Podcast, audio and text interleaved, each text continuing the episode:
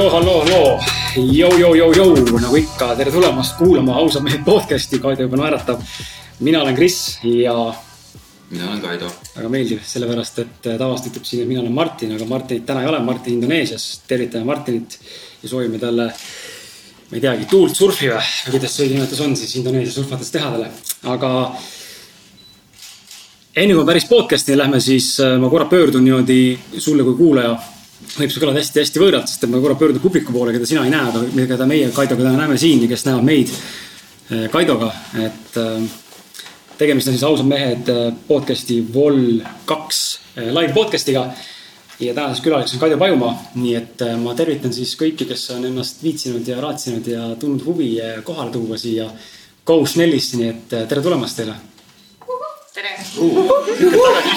see oli Sille tagasihoidlik sihuke et äh, tahtsid midagi öelda? tahtsin küsida, kui paljud teist on sellised püsikuulajad muidu sellel äh, podcast'il?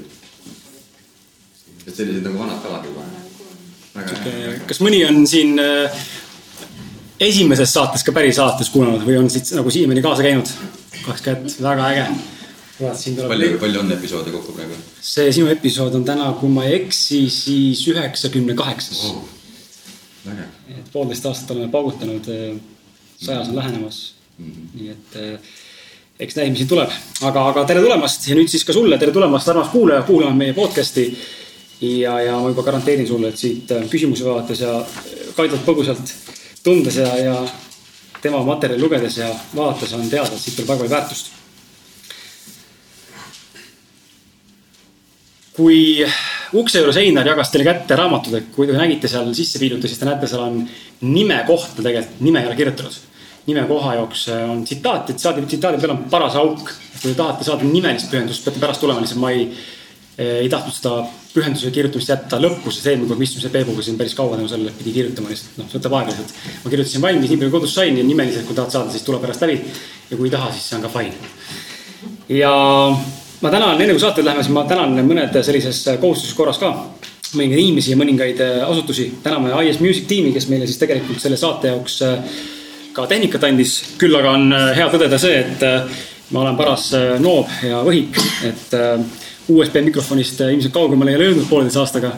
et ma ei tea, kuidas me suvel Martiniga Kõpus selle saate ära tegime noortega, kui meil oli samamoodi IS Music poolt siis kaasanud tehnika ja kõik toimis. täna see tehnika minuga koostööd ei tee, aga ma tundsin, et enne kui jõudis tekkida see meelehärm ja sihuke ärevus ja selline pettumus, et ah, ma olen ikka mõttetu vend, no ei viitsi üldse, mida ma üldse teen ma tõmbasin selle maha ja, ja teadsin, mul on back-up plaan, mul on oma mikker alati kaasas, nii et äh, sellega saab asja räägitud. ja, ja meil on õnneks äh, helimees Kristjan, kes täna siin kohal ei ole, kes siis teeb seda heli paremaks. nii et aitäh sulle, IS Music, et toetab meid. Äh, tänan ka fotograaf Andit, kes meid täna siin pildistab. Andi, kus sa oled? Läks ära kohe kõrvaruumi, Andi läks ära, aga ta pildistab küll muide kohe ära aitab küll. Andi tegelikult pildistab täna ja, ja tänan teda, et tuli Tartus kohale, nii et äh, seal sa oledki, tšau sulle. aitäh, et sa pildistad ja kujundaja Sillet, kes siis ürituse jaoks tegi ka bänneri, istub tagareas, tervitab meile. ja meile tuli juhuslikult eile ka uus äh, ausad mehed arvustus ja ma loen selle kiiresti ette, et see on siis Laura Allsaare poolt. ja see kõlab selliselt, ma tsiteerin siis. ausad mehed, mõttekriips, connecting people. hommik otsa kummitas see peas ja pidin tulema ja kirjutama. Kris ja Martin, teie ise teate, kui olulised te mulle olete nii lühikese ajaga pugesite mulle sügavale hinge oma aususe ja peegeldustega olete pannud suure panuse minu isiklikku kasvu. ja seda kõike tänu sellele, et olete valinud käia oma südameteed, olete suur inspiratsiooniväärtus mulle. ja miks neid asju siin ette ka loeme mõnikord, kui meil tuleb uus arvustus avalikult nüüd Facebooki, siis äh, see on ühtlasi ka selline nagu tunnustus mingi meile endale ja, ja alati nagu lahe näha ka otsest tagasisidet, mismoodi me tegelikult inimest mõjutame sest et äh, selge on see, et me kõik mõjutame teineteist igapäevaselt ja ma arvan, tänases ruumis siin, kus me täna oleme, ma arvan, me saame teineteist väga tugevalt mõjutama või siis mõjutatud tänase õhtu lõpuks, eh, kes rohkem, kes vähem määral, nii et eh, aitäh sulle, Laura. ja kui te veel ei tea, enne kui ma sulle Kaido sõna annan, kui te veel ei tea, siis eh, ausad mehed podcast'i täitus sada kuulamist, nii et. järgmine, järgmine eesmärk on miljon järgmise aastaga. kas see on realistlik, ma ei tea, eks seda näis, näitab aeg, aga, aga potentsiaali on ja ilma pikema sissejuhatuseta siis äh, või noh, rohkemat aega venitamata. tere, Kaido, aitäh, et sa leidsid aega taaskord tulla meile saatesse. sinu saade oli, ma numbrit ei mäleta, aga see oli nüüd sihuke, see oli suvel vist, kui ma ei eksi, onju. Mhm. ja, ja, ja meil mõlemid äh, sinu saade kõnetas ja ma tean, väga paljusid teid kõnetas äh,. vähemalt selle põhjal, mida ma olen näinud, kuidas on tagasiside olnud. nii ja mul on äh,, mul on väga hea meel, et sa oled siin ja, ja vaadates tänast äh, põhimõtteliselt peaaegu saalitäis inimesi, viis inimest veel jätab puudu, siis äh, see on rohkem kui Peep Vainojal, nii et äh, palju õnne Peebule tegid sõna igal juhul. aga. Peebule, kui ma hakkan koju sõitma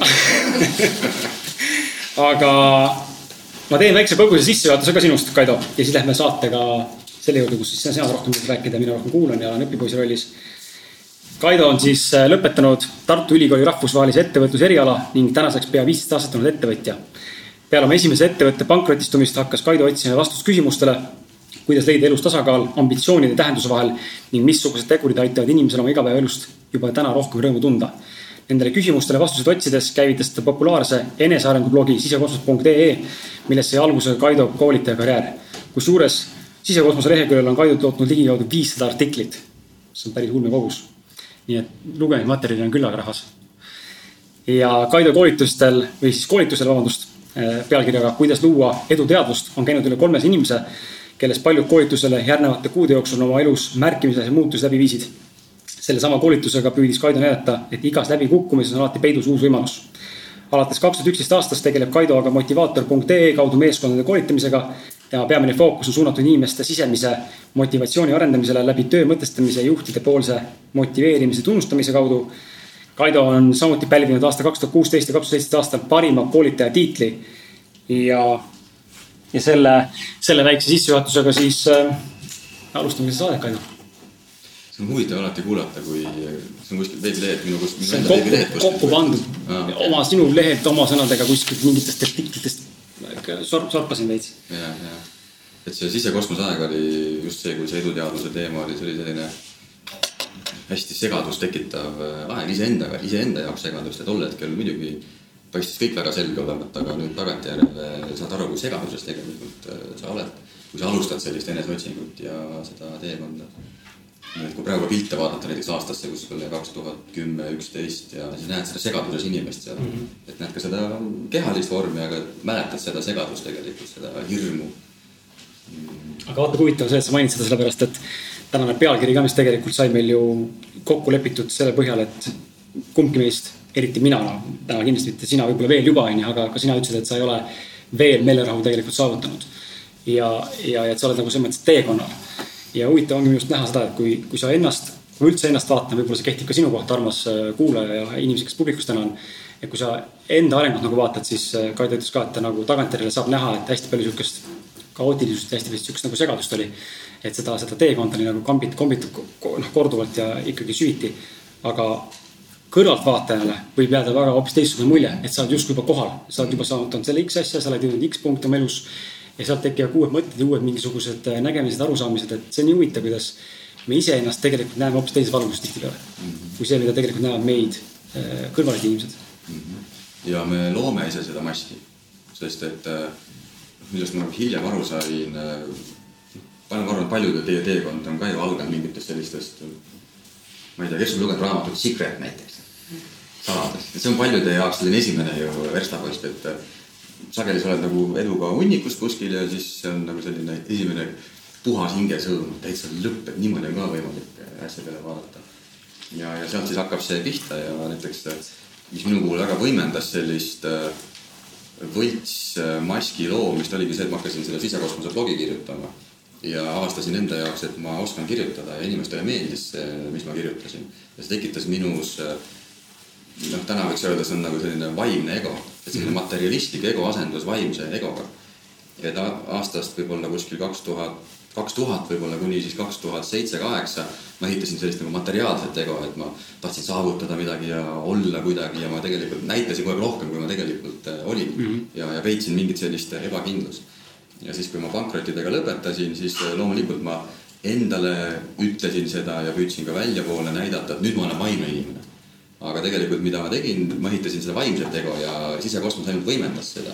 et mingisugune vaimne identiteet ja see läks selleni välja, et kuhugi üritusele läksid või kuhugi ruumi läksid, siis sa teadsid, et inimesed vaatavad sind natukene, teadsid kuidagi läbi mm -hmm. sisekosmose sind. ja see pani mingisuguse vastiku sellise nagu vaimse inimese koorma veel ja siis mõtlesin, et kuidas nüüd olla vaimne nagu, et, et niisama olla ei julge, et siis sa oled liiga tavaline, et peaks nagu kuidagi vaimne olema ja mingeid nagu ägedaid asju ütlema. see niimoodi väsitas ära. Ja kui ma lõpuks motivaatori kaudu sellest siis pääsesin, et ma lõpuks tundsin, et ma võin olla inimene jälle, et see oli hästi-hästi vabastav. ja meil on see kalduvus täna eriti selle sotsiaalmeedia ajastul tegelikult olla keegi teine, kui me tegelikult oleme, sest et meile tundub, et ma ei ole piisav võib-olla mm -hmm. lihtsalt niisama, nagu ma olen huvitav jah. ma korra küsiks aktiivselt, äh, laseks publikul ka aktiivselt kaasa rääkida ja küsimusi käsitleda. et äh, kui paljud teist täna julgevad või, või suudavad öelda või kui palju on tehtud, oled teinud iseendaga sellist eneseanalüüsi, et sa näed, et mingis eluvaldkonnas ma tegelikult täna etendan mingit maski. mina saan kindlasti tõsta käed, ma tean, mingis valdkonnas ma ikkagi teen veel seda.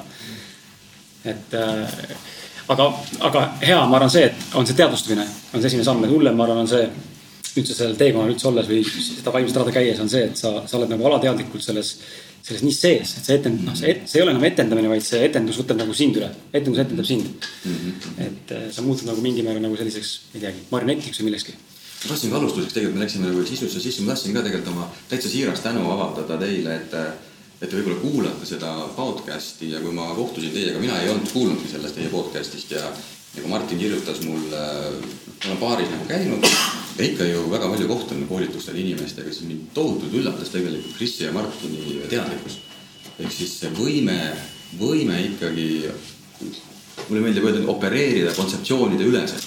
ehk siis eh, meil on kalduvus tegelikult opereerida nagu kontseptsioonide kaudu, et me oleme oma mõistuses kinni, oma nendes ideedes kinni, täielikult samastunud selle osaga. ja, ja väga nagu värskendav on mõnikord kohtuda inimestega, kellega sa avastad, vau, et nad tegelikult on teadvel mm -hmm. ja, ja teie puhul, mõlema puhul oli see hästi-hästi tunda. ja seetõttu ka see, võib-olla see podcast läks nagu palju sügavamale, kui algul ma ise ka arvasin, et. ja, ja täna ka ma ütlen, et te nüüd noored inimesed, hästi kihvt on näha, et te olete, olete sellel teekonnal ja te kuulate seda ja võib-olla tänased teemad ka, noh, vaatame, mis teemad üles tulevad. et ma näen, et siin on kahekümne, on kahekümnendates inimesi ka vist või?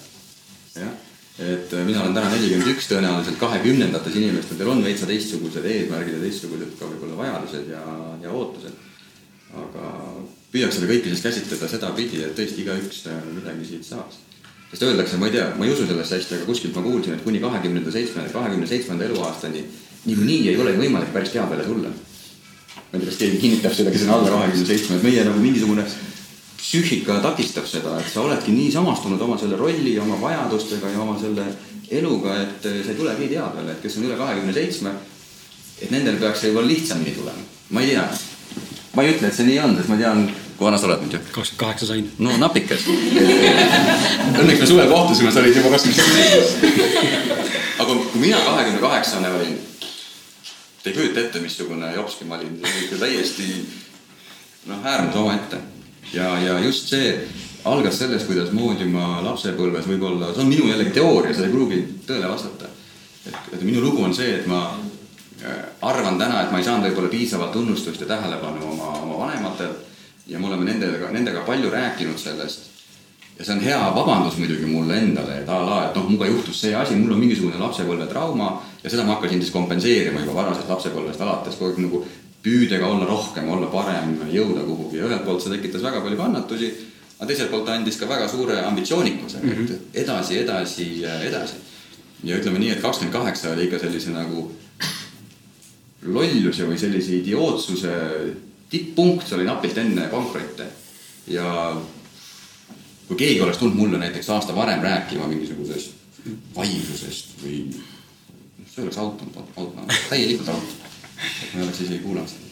see on huvitav ja, et ma olen ise ka selle saate raames siis väga paljude kuulajatega või mitte, vabandust, mitte kuulajatega, vaid ka külalistega rääkinud sel teemal mm. -hmm. ja, ja tõepoolest on huvitav näha. arvan, et siin saalis vaadates on siin ka mõne, mõningaid vanemaid inimesi, kes on vanemad kakskümmend, võib-olla kolmkümmend. kes ma arvan, võib-olla tunnevad sama, et täna see generatsioonide kaupa on mingil määral see vaimsus nagu hakanud nagu kuidagi varem hakkama sellesse nagu maailmapilti nagu tungima mm. -hmm. meil on kuskilt äh, mingil põhjusel on, mitte, mitte kõigil, aga ütleme, väga suurel osal meist on see huvi tärkab palju varem kui võib-olla sinu, sinu vanuseks olemas mm. -hmm. et, äh, et see on kindlasti, kindlasti ma arvan pluss. kas ma tohin küsida, mul võib-olla lööb selline nagu äh, kutsehaigus välja, kuna ma igapäevaselt tegelen koolitamisega ja ma olen tavaliselt meeskondade ees ja mis mulle tänane päev väga-väga meeldis, oli see, et et ma tundsin tänast päeva oodates, et ma ei pea siin koolitama, sest et ega ütlen ausalt, ega mind väga see juhtimise värk ja see meeskonna värk ei huvita ma küll päevast päeva teen seda ja see elatab mind ja kõik läheb väga-väga hästi, aga rohkem mind huvitavad need teemad, millest me täna räägime ja seetõttu mul on hästi põnev päev. ma täiesti siiralt küsiksin näiteks teie käest, et, et võib-olla üks selline päris nagu noor, kes oli siin kahekümnendal näiteks või kahekümnendates, sa oled kahekümnendates jah, et mida sina ootad näiteks kas siis kasvõi tänaselt selliselt ürituselt, et mida sa tunned pärast, et sa oled kasu saanud ja mis, mis see on, mida, mida sa otsid praegu oma vanuses? tegelikult see on huvitav, et sa seda küsid, sest kui me Einariga jalutasime siia, siis ma just küsisin talt täpselt sama küsimust okay..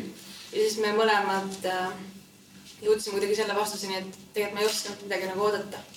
et mingis mõttes tegelikult see on ju hea, sest siis see pettumis. aga paneme selle kursuse kõrvale, et üleüldse, mida sa, mida sa päriselt nagu otsid praegu elus? Tegelikult, kui ma aus olen, siis kõik see enesearengu teekond see on niisugune suhteliselt uus, nii-öelda okay. üheaastane minu jaoks. et mulle meeldib hästi palju sellist erinevat infot ammutada, et siis -hmm. seda nagu enda jaoks sorteerima hakata ja kuidagi aru saada, mis okay.. et selline õppimine ja mingi ja, uue, uue saamine. Einar, sa oskad täpsustada, mida sina, vana sa oled muidu? Sorry, et ma küsin, võid ei, ei, kakskümmend kuus. okei okay,, mida sina nagu otsid praegu elus või mida sa vajad elus praegu kõige rohkem? ma tahan äh, saada tagasi enda rajale, nagu ma olen vaimset elu elanud pikalt okay., nagu see, kus, kuidas ma olen kasvatatud ja see, kus ma olen kasvanud, on äh, olnud suuresti mingil määral nagu kuidagi noh, mu ema on olnud alati kuidagi mingil määral suunanud mind juba väiksest saadik äh,. aga pigem võib-olla pakkunud mingit teatud sellist avastamisvabadust mm. -hmm. kui ma olin seitseteist, siis minu jaoks oli mäletan siiani ühte sellist momenti, kus ma istusin ühe hea sõbra äh, Maksimiga, istusime Läänemaal ühe äh, jõe kaldal ja siis me mõtlesime, et äh, et me arutasime nagu kuidagi elu ja selle sügavuse üle ja, ja siis see oli üks selline esimese momente, kus me sõbraga koos nii-öelda teadvustasime, et et, et me otsime nagu midagi enamat mm -hmm. ja samal ajal ka seda, et, et nagu noh, ta ütles mulle, et, et Einar, et sul on ilmselt mingisugune suurem eesmärk ja siis ma ise kuidagi tol momendil tundsin seda ja siis see oli see, kus, kust minu jaoks sai suuresti alguse ka selline enesearengu tee ja et ma hakkasin hästi palju infot ammutama mm. -hmm. ja, ja oli aegu, kus ma mõtlesin, et ma lähen kohe hulluks nagu, aga sest et noh, nii palju asju hakkas korraga juhtuma, ma sain aru, et maailm ei ole must ja valge ja et kuidagi, kuidagi mu perspektiiv muutus hästi palju sügavamaks, et see okay. niisugune ümberkehastumine toimus ja, ja siis see kestis kuidagi niimoodi püsivalt kuni enam-vähem kuskil kahekümne viienda eluaastani äh,. siis ma reisisin tegelikult, kui ma olin kakskümmend kaks, ma läksin reisima, reisisin kolm aastat Kesk-Ameerikas. nagu tahtsin maailma lähemalt tundma õppida mm -hmm. läbi Euroopa, Põhja-Ameerikast, tulin Eestisse tagasi. ja, ja siis, kui ma olin kuskil kakskümmend viis, siis ma jäin nagu depressiooni ja siis see põhimõtteliselt äh, justkui no mingil määral nagu lõhkus kogu mu progressi või ma tundsin, et ennem kui mul oli enda elu ja enda emotsionaalne seisund mul täielikult kontrolli all, nagu mul oli välja kujunenud mingid teatud meetodid, asjad, mida teha, siuksed teatud praktikad. ma oskasin teisi inimesi väga hästi toetada ja jõustada ja aidata. et siis oli selline moment, kus mul enam need tehnikad, mida ma olin isegi nagu teistele õpetanud ja mida ma alati, millest ma alati ise leidsin abi, et need ei töötanud siis mu peal enam.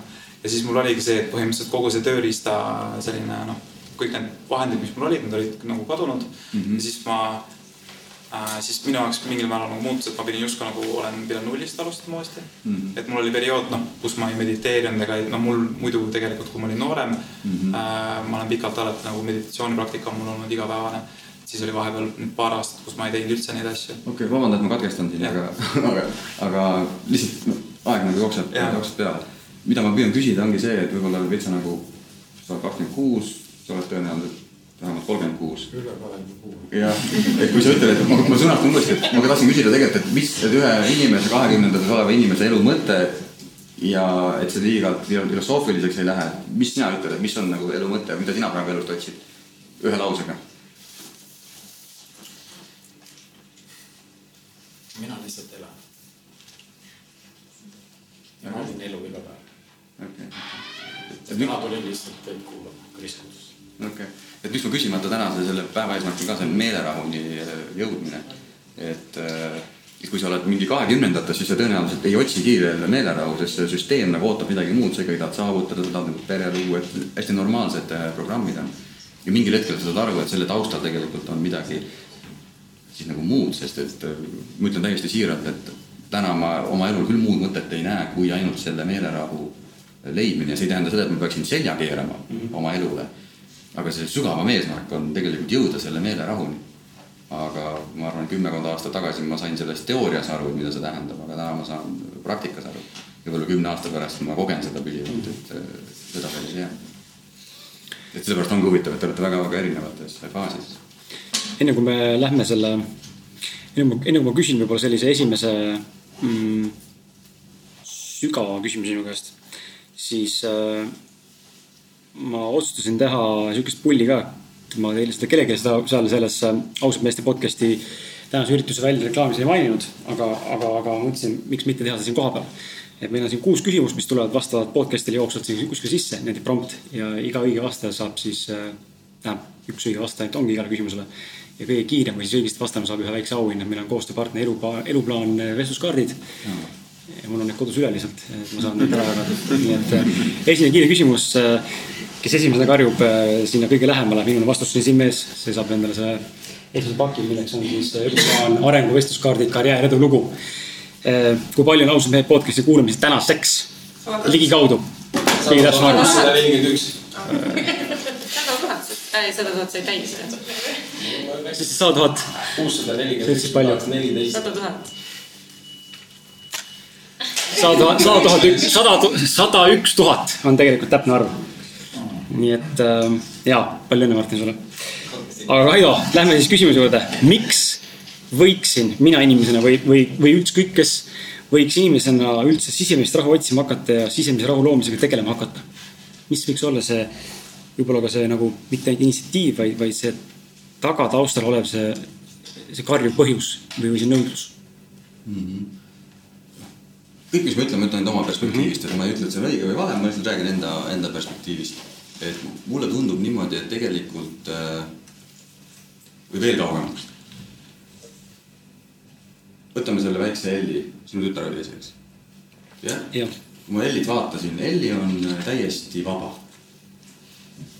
vaba kannatustest, tal on teatavat laadi kannatused, a la piss on püksis, hakkab nagu pöörama, et tal on sellist laadi kannatused või või a la emme läheb nurga taha, ta mõtleb, et "Oh, äkki emme läkski ära, äkki ei tulegi tagasi, et tal on nagu sellist laadi kannatused.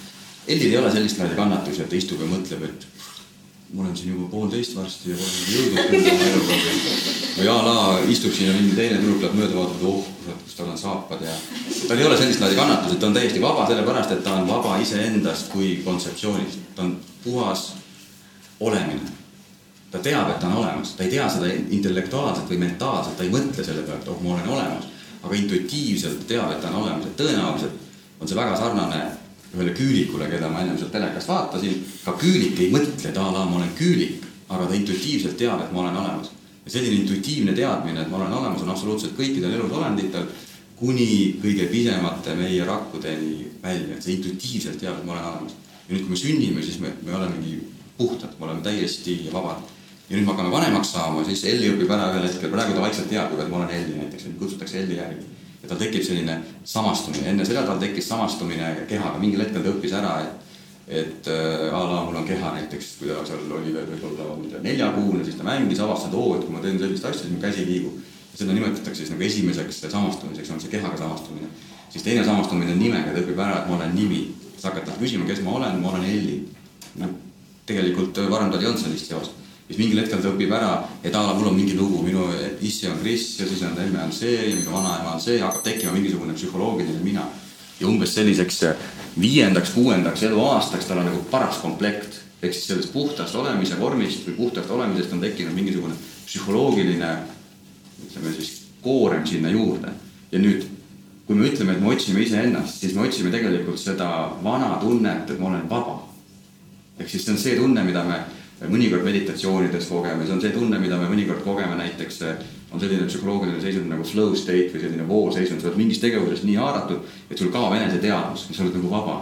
ja sa oma koolitustel, ma panen inimesed tegema mingeid asju, ma näen, et nad teevad seal mingisuguseid, nad unustavad ennast ära, teevad totakaid asju ja siis nad ühel hetkel ärkavad, oh, ma olen ikkagi juht nagu, ei tasu siin niimoodi turnida nagu taguots paljas. tuleb meelde, et kes ma olen, aga sel hetkel tegelikult, kui nad on sees seal, siis nad on täiesti äh, vabad. Ja nüüd me otsime iseennast ja me otsime justkui seda oma mõistusest. et a la mina otsisin ennast algul, oh, ma olen tõenäoliselt ärimees, algul ma olin pankur, siis ma tahtsin ettevõtjaks hakata. ja siis sai minust a la vaimne mingisugune õpetaja sisekosmoses, siis oli mingi, ma ei tea, kolmekümne aastane, hakkasin teisi õpetama, noh, täitsa pöörane ju. ja otsisin iseennast. siis mõni võib avastada, oh, tegelikult ma olen joogaõpetaja, ei kurat, see ei ole ikka see. tegelikult ma olen kunstnik. Ja siis ta proovib, aa, see ei ole ka see, ma pean Indiasse minema, siis ma leian kindlasti ennast ülesse. ja sa otsid kogu aeg nagu ja sa otsid tegelikult oma mõtetest sorad ja püüad seda iseennast üles leida, aga sa ei leia mitte kunagi ülesse. sest see tegelik puhas olemine on lihtsalt see intuitiivne teadmine, et ma olen siin ja nüüd, kui sa küsid, et, et miks hakata sellega tegelema, siis see on ainukene võimalus jõuda koju tagasi ja vabaneda sellest eh, koormast. ja see ei tähenda seda, et me peaksime selja keerama elule, vaid see lihtsalt tähendab seda, et sa tead iseennast ja kui sa iseennast tead, siis sa kõige muuga võid ka tegeleda. ja ma arvan, et see ongi see väärtus. ja nüüd nii kaua, kui me oleme totaalselt samastunud selle psühholoogilise minaga, siis nii kaua meid ei kõnetagi sellised, ütleme siis vaimsed ja eneseleidmise teemad, sest et äh, ma olen täiesti veendunud, et ma saan hakkama ja a la see ego on nii tugev, et ma saan hakkama ja ma löön läbi. ja mõni lööbki läbi ja mõnel ei olegi vaja terve elu jooksul hakkama mitte saada, et tal ei tekigi seda huvi üldsegi. ja mul on enda tutvusringkonnas väga palju inimesi, kellele sa püüad rääkida. Ta ütleb, et voo, voo, voo, ma ei saa mitte midagi aru, mis sa räägid. ja mitte midagi ei ole teha. see on huvitav, ma siin, ei mäleta, millal mõned äh, võib-olla, võib-olla üks kuu aega tagasi rääkisin ühe. Äh, ma nime välja ei ütle, aga ta on äh, üks Eesti tuntud ettevõtja, rääkisin temaga ja siis ta ütles ka, et. Et kõik on nagu tore, need vaimsed äh, koosviibimised ja, ja, ja koolitused ja see, mis me täna teeme siin ja koos oleme ja, ja käime seda vaimset rada ja üritame nagu filosofeerida, kes ma olen ja kas ma olen hing või vaim või intellekt või olen ma üldse kosmoselaps või mis iganes siin nimetab. aga, aga kui ma ei tunne, mul on vajadust, noh, mis ma siis otsin, ma olen rahul omadega. ja ma saan ka aru, et noh, võib-olla neli, kolm aastat tagasi, paar aastat tagasi ma oleksin võib-olla läinud nagu ähmi täis ja öelnud, et nagu mida kuradit, mis ajad. Et nagu, aga nüüd täna ma saan ka aru, et äh, ega võib-olla kõigil ei olegi, noh, kõik ei peagi otsima seda sügavust. see on täiesti okei okay,, kui me ei leia seda. et nagu see ei ole nagu enam nagu selles mõttes omaette eesmärk, et äh, minul võib-olla on, aga, aga mitte kollektiivselt. ja vaata sõna vaimsus iseenesest ka ju tekitab hästi palju segadust, et a la, me oleme vaimsed inimesed või või seda kõike, mida mina sisekosmose ajal tegin, seda ma hakkasin hiljem nimetama vaimseks populismiks. Sellepärast, et, et see, et ma oskasin hästi kirjutada, siis mul õnnestus oma lugejatele jätta mulje, et ma elan juba nende väärtuste ja nende põhimõtete järgi, aga tegelikult ma ei elanud, tegelikult ma ise ka kirjutasin iga kord ideaalidest, kuidas ma arvasin, et võiks see asi olla. ja seal tekkiski teatud duaalsus, oli see päris mina, kes oli see võib-olla jätkuvalt õnnetu segaduses inimene. ja siis oli see mingisugune nii-öelda keegi, kellest ma kirjutasin ja see tekitab palju segadust ja tegelikult äh, väga palju on täna jätkuvalt ju neid kirjutajaid ja, ja õpetajaid, kes saavad küll aru, et nii oleks õige, aga kui sa neid lähemalt tunned, sa saad aru, et nad ise ei ela seda. ja siis ma enda jaoks sõnastasin selle niimoodi, et, et vaimsusega tegeleda tähendab tegeleda oma vaimse osaga. ja meil on olemas ju mingi vaimne osa. Ja mida tähendab vaimne osa, vaimne osa on see osa, mida ei ole võimalik, võimalik kuidagimoodi materiaalselt tabada, et teda ei ole võimalik kuidagimoodi mõõta meie keha ei ole meie vaimne osa, seda on võimalik mõõta. emotsioonid ei ole vaimne osa, sest et seda on võimalik mingil tasandil ikkagi mõõta, need aurapildid või vähemalt me kogeme seda. mõtted, see ei ole kindlasti, sest mõtteid on võimalik mingil tasandil mõõta. ainuke asi, mida ei ole võimalik mõõta, on tegelikult teadvelolek. aga samal ajal see on vundament kõigele sellele, et saab olla järelikult tegeleda oma teadvusega ja, ja püsida teadvel. et see on see vaimne osa ja minu jaoks see kuidagi lihtsustas seda, et äh, meil on kõigil see vaimne osa olemas, aga enamikul ajast on meie tähelepanu suunatud sellest nagu läbi teadlikkuse teadvusest väljapoole, ümbritsevale keskkonnale, mõtetele, kontseptsioonidele, emotsioonidele. ja meid taba ära tegelikult, et äh, see meie sügavam olemus on see koht, kuskohast see vaatamine nagu toimub, kui me kasutame sellist mm -hmm. väljendit ja nüüd, kui sa teed sellise saja kaheksakümne kraadise pöörde ja ei otsi enam midagi väljastpoolt, vaid püüad leida selle koha, kustkohast see vaatamine või see märkamine juhtub, et siis sa kukud tühjusesse. ja siis sa kaotad wow., ja tõenäoliselt see on see tühjus, millest rääkis ka näiteks äh, Buda oma nendes äh, paberites, ta räägib nagu tühjusest, emptiness'ist. ja tavaliselt seda defineeritakse läbi negatiivse alatooni, et a la, et, et äh, õndsus on tühjus, et a la ma ei taha elada tühjuses. aga kõik sündmused juhtuvad tühjuses, see on see ruum, see on see ruum, mis täidab seda universumit. ja nüüd äh, teadus on ka ruum. ja nüüd, kui sa saad oma selle tegeliku olemusega kontakti, siis sa kuskil kukud nagu korraks tühjusesse ja sa vabaned hetkeks sellest oma koormavast identiteedist ja see on tohutult nauditav mm. -hmm. kas on kellelgi äkki äh, vahepeal siukseid mõtteid tekkinud või küsimusi, mida vahele visata? kohustus ei ole, aga. vaikus, hea küll siis.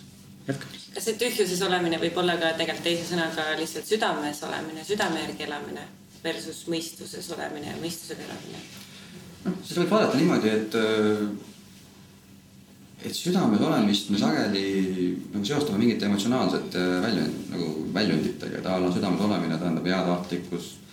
sinna juurde võib panna intuitiiv, intuitiivse elamise näiteks, et sa intuitiivselt teed mingisuguseid asju. Ja ma saan su küsimuse suunast täitsa aru, et nagu öeldakse, on nagu võimalus, et sa oled nagu mõtetega, mõtetes kogu aeg ja hindad kõike läbi selle mentaalse aparaadi ja siis sa tuled südamesse ja hindad läbi intuitsiooni. aga eespool mõlemat on tegelikult teadvalolek, et sa teadvustad mõlemat et sa teadvustad oma mõtteid, sa teadvustad oma intuitsiooni, sa teadvustad oma emotsioone. ja nüüd äh, kõige lihtsam on võib-olla enda jaoks seda teadvalolekut defineerida sedakaudu, et kõike, mida ma saan teadvustada, et see ma ei ole. sest et ma saan seda teadvustada, järelikult on eespool midagi, mis seda teadvustab. kui ma teadvustan seda füüsilist keskkonda, noh, selge on see, et keegi ei arva, et ta see mikrofon oleks, et kui sa väga lähedale lähed sellele mikrofonile, ikka ei hakka kahtlema, et kurat, äkki see olen mina nagu. aga kujutad ette, sa näiteks sünnid lapsele, lapsena ja sa paned lapsele, paned, ma ei tea, pildika paned kõrva taha ja hoiad seda seal näiteks kakskümmend aastat. Ja siis sa ütled talle, et kuule, et tegelikult see vildikas ei ole nagu sina ja see vildikas ei käi siin, ma ei tea, mul on eluaeg olnud see vildikaga ja mulle tundub, et siin on natuke nagu sarnane asi, et meie mõtted on meile nii lähedal, nii omaseks saanud, nii tuttavaks saanud kui keegi ütleb algul, et a la, et sa ei pea kõiki oma mõtteid uskuma või a la, need on kontseptsioonid, need on uskumused, mis sul on, et lase lahti. see on nii hirmutav, sellepärast et me ei tunnegi iseennast väljaspool neid äh, kontseptsioone. aga nüüd jätkates, siis ongi kõike, mida ma saan teadvustada, see mina ei ole, kui ma saan oma intuitsiooni teadvustada, siis järelikult see mina ei ole, ma olen selle intu-, intuitsiooni teadja. kui ma saan ükskõik mis mõtteid, kas positiiv- või neid emotsioone, kas positiivselt või negatiivselt teadvustada, järelikult see mina ei ole. ja see on tohutult vabastav. et ma võin kõigest lahti lasta, sest see ei ole päris mina ja lõpuks sa siis jõuadki sellisesse punkti, kus sa oled lihtsalt. ja näiteks kriisiolukordades, kui on stress, lülitad välja läbi selle, et meile meeldib öelda, et noh, lülita ennast välja, kuidas sa lülitad ennast välja, kui emotsioonid keevad. et kuhu sa lülitad ennast välja? Sa ei saa lülitada ennast välja kehalises mõttes, ainuke võimalus ennast päriselt välja lülitada on lihtsalt tõusta teadvuse tasandile. ja vaadata, et okei okay,, möll käib, aga tegelikult see ei ole päris mina, et on mingisugune teine selline dimensioon. või ma ei tea, naisega tülitsemisega käigus on väga efektiivne kui naine täiega ajab närvi sind, siis ühel hetkel avastad, et ah, tegelikult ta üldse ei kakle minu, minuga, päris minuga ta ei kakle ju. et sa nagu tõused sellest kõigest kõrgemale. noh, ega mõnikord ei õnnestu ka, ise samastud niimoodi. aga mõnikord õnnestub. Ja väga-väga suur väärtus on ja seepärast ma ütlengi, et kui sa oled nagu noorem, siis sellest ei pruugi kasu olla, sest ma kahekümne viieselt ei oleks ajanud taga mingit meelerahu, ma tahtsin rikkaks saada, mingit meelerahu, et küll ma siis olen rahul, kui ma rikkaks saan nagu ja kui sa oled praegu ka kahekümne viiene, see on normaalne, et sa tahad midagi saavutada ja, ja elus midagi, mingi jälje jätta. aga täna ma ütleks niimoodi, et kui sa võimalikult varakult avastad need dimensioonid, siis äh, see teekond on tõenäoliselt nauditavam. eriti just äh, rasketel perioodidel, sest sa oskad ennast sealt välja lülitada. kui sa ei oska seda teha, siis sa samastud ja sa kannatad. täna ma ütleks niiviisi. tänases äh,, me rääkisime enne siin sellest äh, mitme siis sellest teekonnast või teekonnale minemisest ja üldse, et kuidas siis, kuidas siis, miks see peaks tekkima, eks ole, ja kuidas see tekib, et aga võib-olla, võib-olla sinu kogemusest, äh, Kaido, lähtuvalt, et äh, millest alustada üldse? et äh, kui me tahamegi, oletame, ma täna teen teadliku otsuse oma võimekuse piires, et ma nüüd tahan hakata vaimlejaks, mis iganes see kelle jaoks tähendab mm. -hmm. olgu ta siis info põhjal või, või nagu siin öeldud juba oli, tunnete põhjal või, või nii-öelda spontaansuse intuitsiooni pealt et ma tahan liikuda nüüd selles vaimses maailma kontekstis, siis millest ma kurat peale hakkan? seda informatsiooni küllust on ju noh, ei taha üldse halvasti öelda, aga seda on ju tohu hea kõri-, siit auguni. nii-öelda vabandust öeldes onju. et kust ma hakkan peale, kas see on tõesti mingi kindel religioon, on see mingi kindel joogastiil? Mis on sinu võib-olla selline tunnetus, kuidas peaks või võiks, tähendab, sellisel teekonnal hakata vaikselt nagu navigeerima? mulle endale tundub, et algul on vaja usku, mitte sellises religioosses tähenduses, vaid äh, on vaja usku või uskumust, et see on võimalik. et äh, ma olin algul ju nii-öelda sisekosmose Kaido, mul oli enne sisekosmot oli suurim saladus ja kogu see asi hakkas sellest, ma hakkasin kirjutama sellest äh, Secretist. Ja ma tegin seda kõike ainult sellepärast, et siis kuidagi edukaks saada ikkagi läbi selliste vaimsete printsiipi, printsiipide. ja siis ma jõudsin budismini, mitte religioosse budismini, vaid nende päris õpetusteni, selle Mhm. dhammani, millest tegelikult Buda kirjutas. ja ta rääkis seal näiteks viiest agregaadist, kes on näiteks budismiga kokku puutunud, et Buda ei ütle ju, et, et Jumal on olemas, Buda ei ütle seda, et mingisugune selline meie hing on olemas, ta ütleb, et meie olemus koosneb viiest agregaadist, et on see füüsiline agregaat, on mentaalne agregaat, on taju agregaat, on äh, emotsioonide agregaat ja siis on teadvustamise agregaat. ja need viis agregaati on kogu aeg omavahel kuidagimoodi seoses ja nende viie agregaadi tulemusena tekib mina-tunnetus.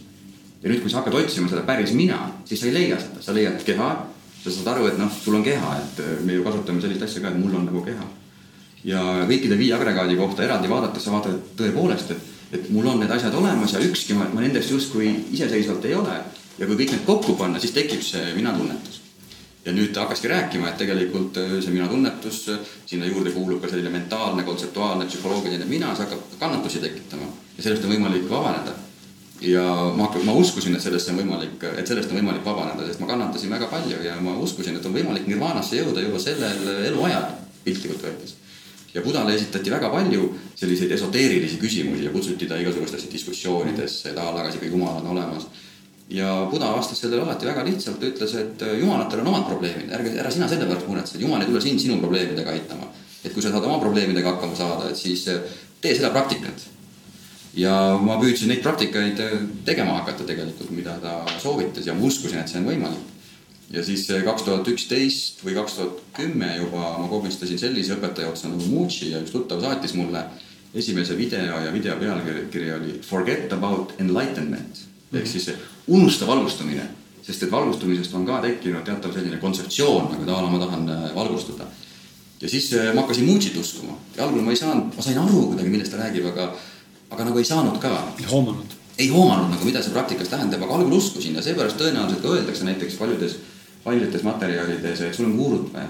ja mitte sellepärast, et kedagi kummardamas käia, aga sul on vaja kedagi, kellesse uskuda näiteks ja selleks võib olla kes iganes Eestist, Eestis paljudel on näiteks Ingvar Pillitoo, kes on nagu jõudnud ja aitab oma õpilasi kuhugi jõudmisel ja neid inimesi on palju ja mitte sellepärast, et sa pead kedagi kummardama, aga keegi, kellesse sa usud, et sa usud, et, et see inimene on selle teekonna läbi teinud ja sa saad nagu samm-sammult nendele järgneda. ja see guru ei pea olema ka ilmtingimata võib-olla nagu avaliku pildis kuulus inimene, vaid see guru võib olla ka sinu jaoks siin su kõrval istuja. keegi, kes sind inspireerib, jah ja minuga kuuluks saigi Mucci ja ma olen kahe tuhande kümnendast aastast saati ikkagi tarbinud tohutul hulgal tema õpetusi ja tema näpunäiteid. ja kui sa küsid nagu praktikas, mida see tähendab, see tähendabki ikkagi märkamisvõime arendamist, et sa hakkad märkama mingisuguseid asju, mis toimuvad sinu sees. tavaliselt me märkame kõike seda, mis toimub meie ümber, sellele me pöörame tähelepanu. Aga sa hakkad ikkagi püüdma märgata kõike seda, mis toimub sinu sees, hakata seal soos, seoseid looma, okei okay, mul on sellised mõtted, need mõtted tekitavad mul selliseid tundeid, see tunne paneb mind niimoodi käituma ja sa avastad selle seose. ja siis, kui sa hakkad seda lähemalt vaatama, siis avastad, kuidas selle vaatleja ja nende seoste vahel hakkab tekkima ruum. et nad jätkuvalt võtavad üle näiteks selle kontrolli ja nad jätkuvalt tõmbavad sind mingitesse käitumistesse. aga sa avastad selle ruumi nagu, mina olen siin, ma näen, kuidas see juhtub. ta ala tõesti selline mõte oli, selline keha, kehaline aisting või midagi oli ja nüüd ütlesin.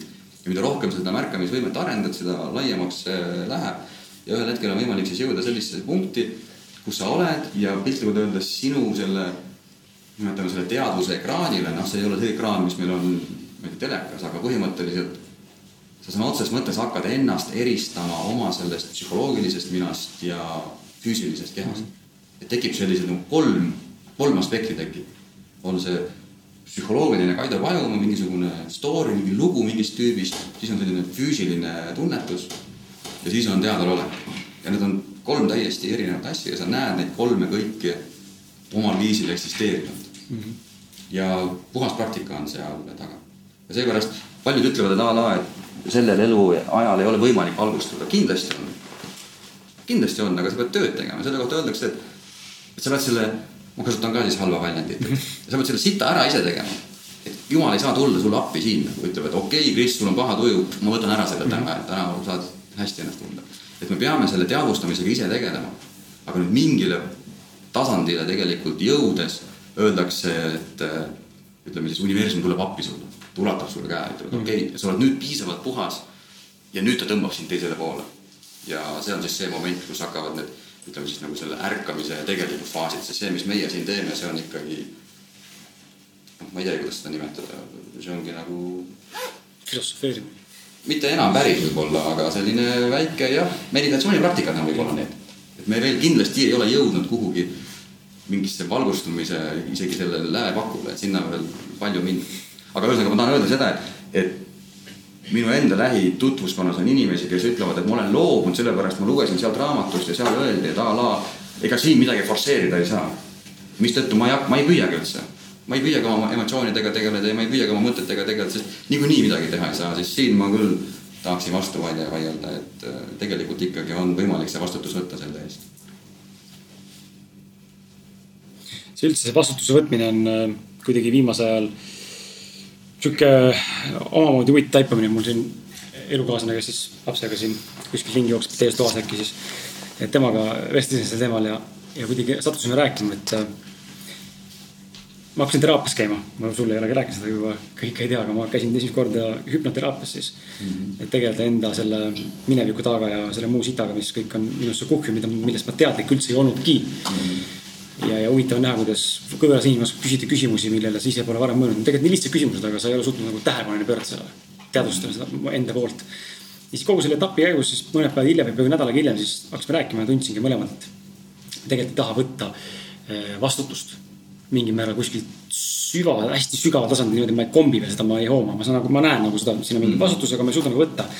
et see on tekitanud selle olukorra, kus ma näiteks täna elan eh, oma elukaaslase ema juures ja ma ei võta vastutust et mm -hmm. ennast nagu materiaalselt üles ehitada näiteks mingil põhjusel. kas on siis sellepärast, et mul on mingi visioon, et oma mingit kirja, mingit teekonda käia, mis ongi alguses raske, võtab ka aega, et ennast läbi lüüa ja võib-olla võtab see kümme aastat aega. aga kuidagi nagu mingi sihuke, sihuke nagu alateadlik, hästi õhkõrn, peentasemeline selline vastutuse äraandmise nagu soov mm. -hmm. mida ma ise ei tee, noh ei, ei tee teadlikult mm. -hmm. ja see ongi, mul on huvitav märgata seda, et ma ei tea, kui paljud teist nagu resoneeruvad selle jutuga mitte, aga et mingites eluvaldkonnas tahad nagu vastutust ära anda et sa ei taha nagu vastutada, kas siis olgu see positiivne, negatiivne, aga nende asjade eest, mis su jõus on või mis selge tulla võiks et sa justkui ootad, et keegi kannaks sulle selle ette või, või teeks sinu eest ära selle või teeks sulle lihtsamaks või juhiks sind kuskile või suunaks sind. et äh, ma arvan, et see vastutuse äraandmine on üks, üks sihuke valus, valus teema, millega tegelikult võib-olla võiks tegeleda, et mitte seda anda nii palju mm -hmm.. täitsa nõus. ma korra küsin grupilt, äh, sest et see, millest me nagu räägime siin ja rääkisime, minu jaoks on see midagi hästi-hästi praktilist kuigi ta võib kõlada filosoofiliselt, et kas te täitsa ausalt vastake, kas te saate nagu pointile pihta või sellele väärtusele pihta, mis tuleneb sellest, kui me oleme teadlad või jääb see täitsa segaseks? et mis, mis, mis see tegelik väärtus on?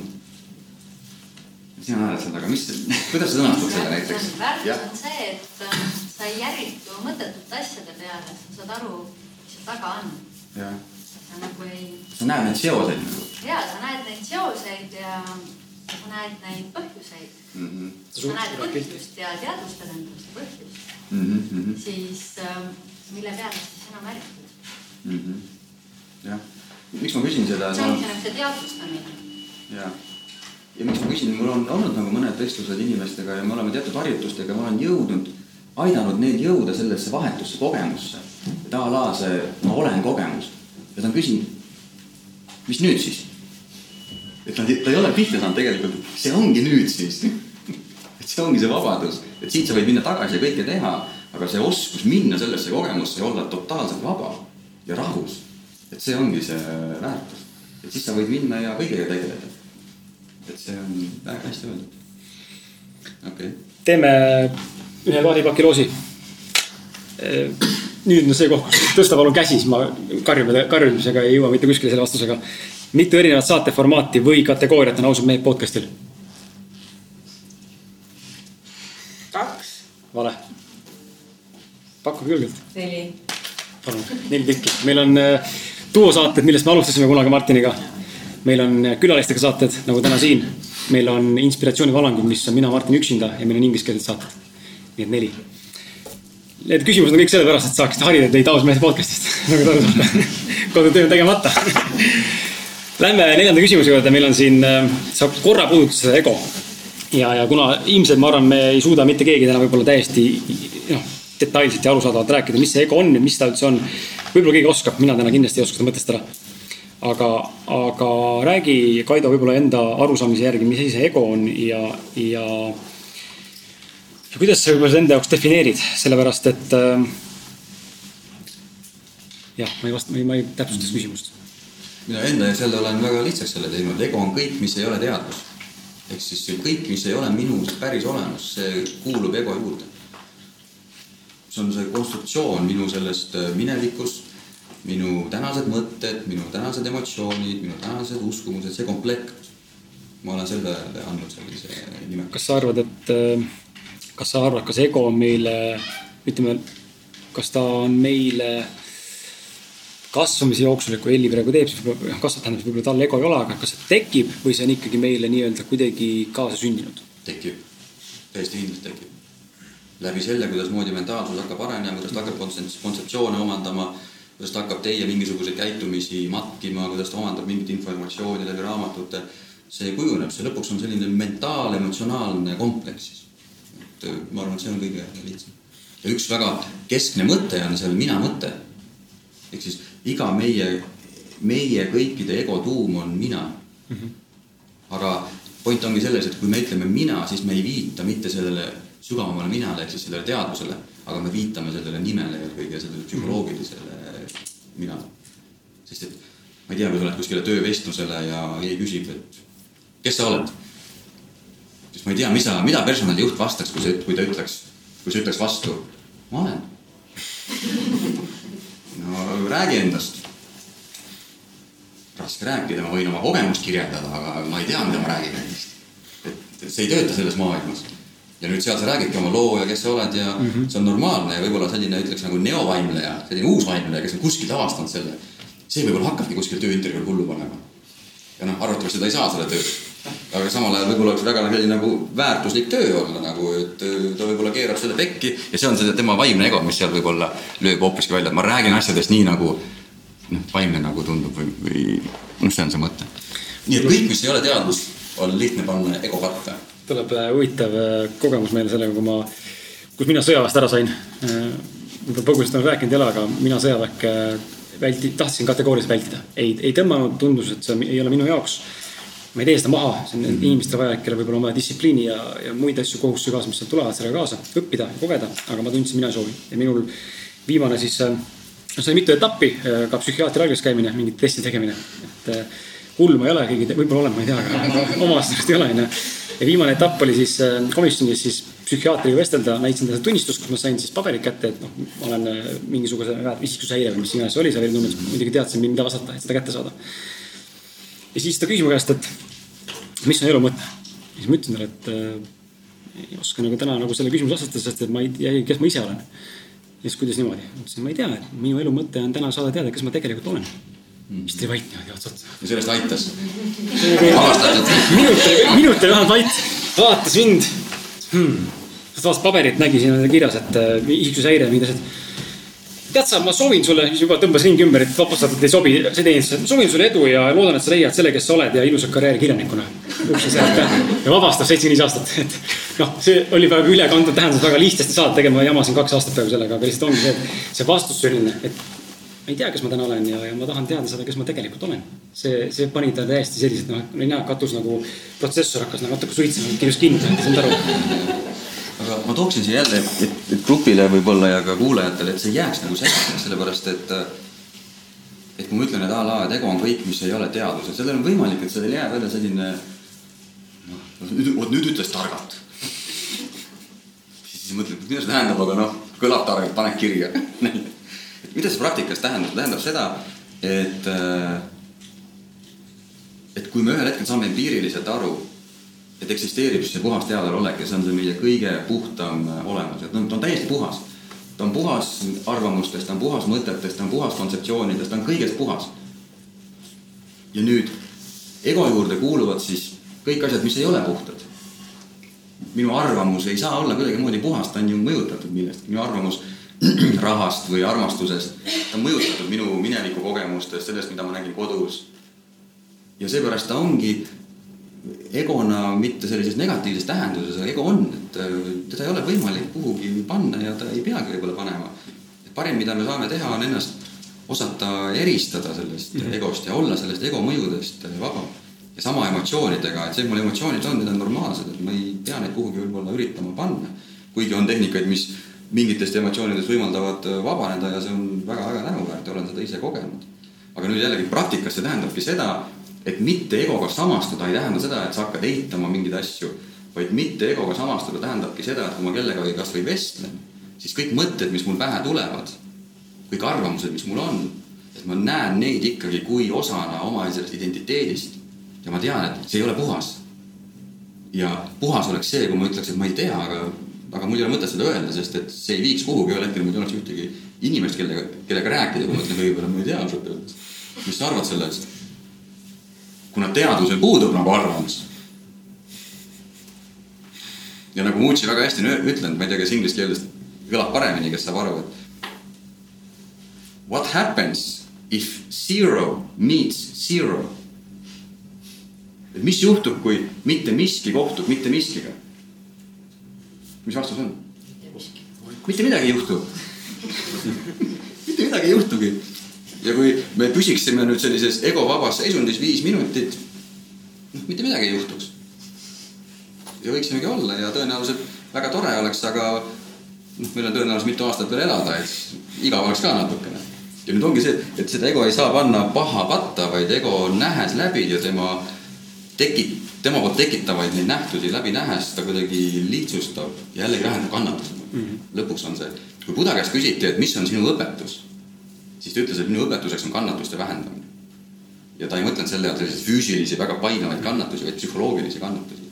ja kõik meie igapäevased kannatused on eelkõige psühholoogilist laadi, mitte sellist füüsilist laadi. sa enda vastuses tegelikult ütlesid ka ära selle, mida tahtsin teilt küsida, et et meil on ju vaimse, vaimlejate seas, ütleme siis niimoodi, on üsna levinud. ma võin praegu siin eksida, aga mulle tundub vähemalt, et egost tuleks vabaneda lahustuda, kaotada, jumala eest mitte samastuda mm. -hmm. mina täna, taas jälle see võib-olla räägib mu ego nüüd. võib-olla minu ego, Kris räägib siin, mitte Kris, vaid see ego räägib. et ma näen, et see ego mind väga palju aidanud tegelikult mm -hmm. mingites etappides elus, midagi saavutada, eh, kuhugi jõuda, eh, midagi õppida paremini, ennast paremini teostada. teisalt küll ma näen, et on asju, kus ta mind takistab eh, või on takistanud, et mulle tegelikult meeldis see sinu mõte, et sa tegelikult viitasid mingil määral selle ka, et me ei pea ilmtingimata võib-olla sellest üdini vabanema, võib-olla just leidma see, ma ei teagi, kesktee või selline, selline mõnus äh, kulgemise koht, kus saaks nagu teha koostööd. et ta nagu on, ma aktsepteerin, ma saan sellest aru, ma taban ära hetke, kus ma samastan ja kus ma suudan ka ennast nagu olla mina ise tegelikult. aga samal ajal ei ole vaja seda võib-olla nüüd tappa ega madistada. sa ütlesid väga õigesti, ütlesid kahte erinevat asja tegelikult ühes lauses, sa ütlesid, et, et mõni ütleb, et egost on vaja vabaneda, see killida ja teises lause pooles ütlesid, et, et sellega ei tule samastuda. ja ma arvan, et sa ütlesidki tegelikult õige vastuse ära, et äh, me ei saa ego tappa, sest et ego tapmine tähendab piltlikult öeldes äh, iseenda selle maise psühholoogilise minaga lõpparve tegemist. ja seda ei ole võimalik teha tegelikult mm. -hmm. aga mitte egoga, egoga samastuda, see on hoopis teine asi. see ongi teadvel püsimine. ja nüüd, kui sa ütled, et ego annab meile ambitsiooni, muidugi annab ja kui ma tunnen, et oh, ma tahan seda teha ja ma tahan seda veel saavutada ja ma tahan sellist asja osta, mis selles halba on? kui sa oled teadlik, et sa teed seda näiteks tõesti siirast soovist midagi kogeda, aga võib-olla hoopis sa avastad, et sa teed seda hoopis siirast soovist kellelegi ära teha. ja nüüd see ongi, sa tahad sama asja, aga sa võid seda teha täiesti kahest erinevast motiivist. üks motiiv on see, et sa saad ise sellest mingit naudingut, aga teine motiiv on see, et kellelegi midagi ära teha ja nüüd see on see, mida see teadvuses püsimine sulle annab, et sa näed selle läbi ja nüüd see, mis on see puhtalt hea soovlik, soov kogeda, sellel sa lased juhtuda, aga sa näed läbi, et okei okay,, siin tegelikult ma tahan hoopiski võib-olla kellelegi midagi tõestada ja siin ütled, okei okay,, seda asja mul ei ole vaja. ja see on jälle see kasu, mille teadvalolek annab. mul oli täna huvitav selline kogemus, mis mingil määral nagu läheb sellesse konteksti, kus suuda võib-olla jääda, kus on oskus võib-olla arendada ja jõuda selle punkti, et suudad nagu näha, kas see on nagu mina või ei ole tegelikult mina käisin tööintervjuul täna ja siis seal ühe, ühe siis biomarketi äh, Balti jaama juhataja, poe juhatajaks mm. -hmm. ja mõtlesin siis kandideerin ja sain jutule ja, ja seal siis jutustasime, rääkisime juttu, kõik on tore ja kihvt ja. ja siis lõpuks, kui ta hakkab kirjeldama mulle seda tööprotsessi, siis ma tunnen, kuidas nagu, et absoluutselt ei koti lihtsalt. mind ei koti, noh, saad aru, mind ei huvita, ma, ma ei taha, noh. aga ja siis ma unustasin läbi selle, et miks ma tegelikult see juhataja kui tiitel mind ahvatles. Sellepärast ma tahtsin teha inimestega koostööd, ma meeldib inimestega koos töötada. ja inimesed on ka mingi tugevus seal aga mulle ei meeldi see muu pool, mis käib selle nagu siin arvutist mingid numbrid toksimise, see on absurd, no ma võin selle, ma ei tea, kuhu iganes delegeerida. aga, aga oli huvitav näha, et minu võib-olla kaks-kolm aastat tagasi minu enda selline mingi ego olemus oleks vastu võtnud see on siis, pohhu, võtan juhataja vastu ja lähen paugutan ja läheb, läheb persse, siis läheb persse no,. tehtud, tehtud, olen kõva vend, olen juhataja. aga tegelikult täna ma nüüd näen juba, et ma astuks väga suurde ämbrisse, kui ma vastutaksin praegu selle, ma oleks äärmiselt õnnetu umbes poole aasta pärast, võib-olla varem juba siis ma jälestaks, mida ma teen. sest et see on see aspekt, mis mulle ei meeldi, mis ei ole mina. Eh, vähemalt tänase nagu tunnetuse juures, seega nagu see on hästi-hästi nagu jah, kuidagi huvitav, mis mul täna tekkis tärkamine just sellega vanasti ees vastutusele. kas teil on ka võib-olla endal kellelgi tekkinud sihuke tunne, kus võib-olla kolm aastat tagasi tehtud otsus tundus nagu normaalne ja täna sa sama asja enam ei teeks võib-olla? muidugi, ikka on ju muutumises. muutumises mõtlesin korra äkki jälle võib-olla see jutt no, teadusest on sellisel nagu intellektuaalsel tasandil hästi loogiline ja arusaadav, aga, aga mida see praktikas tähendab, et, et äkki prooviks korra, et kõik saavad äkki selle maitse suhu, et mida see praktikas tähendab ja teeme sellise lihtsa harjutuse, ülilihtne harjutus, see ei ole mingi minu harjutus, see on Mucci harjutus, tema nimetab seda invitation'iks ehk siis nagu kutse. ja tal on see tegelikult pooletunnine, aga me teeme selle kümne sekundiga et vaatame, kas teil lihtsalt kukub välja, et, et mida see tähendab siis see teadvalolek. ja võid seda teha kinniste silmadega, võid teha lahtiste silmadega, aga kinnistega on kindlasti parem. et proovi niimoodi istuda.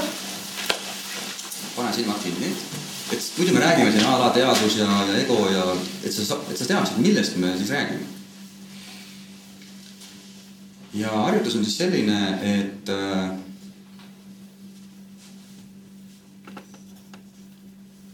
püüa olla siin sellisel viisil, et sa ei tee kolme asja. üks asi, mida sa ei tee, sa ei meenuta mitte midagi minevikust, isegi kui see oli üks sekund tagasi. Mitte midagi ei meenuta. siis teine asi, mida sa ära tee, on see, et ära kujuta ette mitte midagi, mis võiks juhtuma hakata, kas või ühe sekundi pärast. et need kaks asja pane kõrvale ära mine oma mõtetega hetkekski minevikku, ära mine oma mõtetega hetkekski tulevikku. ja kolmas asi, mida ära tee, ära mõtle iseenda peale. pane ennast korraks täiesti kõrvale.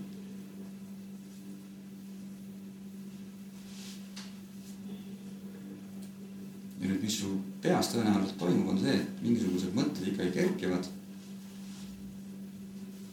ja sa võidki siis proovida lihtsalt nendele mõtetele mitte tähelepanu pöörata, ära püüa need ära ajada. aga proovi nendele mitte tähelepanu pöörata.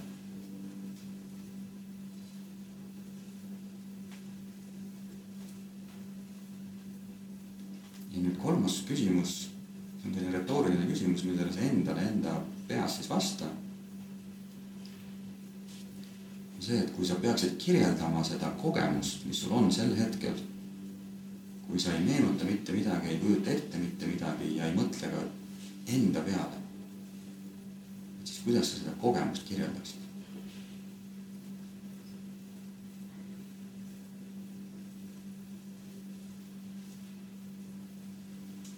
ja tõenäoliselt mõnedel see õnnestub paremini, mõnedel mitte nii hästi, aga see kogemus, mida sa võid siis kogeda, ongi see, et sa tead, et sa oled olemas sest sul on see kogemus olemas.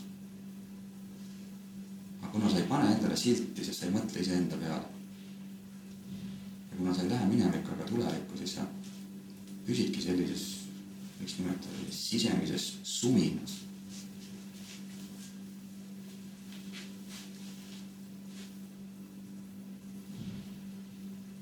ja nüüd nii, kui sul tähelepanu hakkab minema näiteks iseenda peale, siis sa lähed sellest kogemusest välja sa hakkad mõtlema. mõni võib seda kogeda väikse vibratsiooniga, näiteks tunned mingi vibra.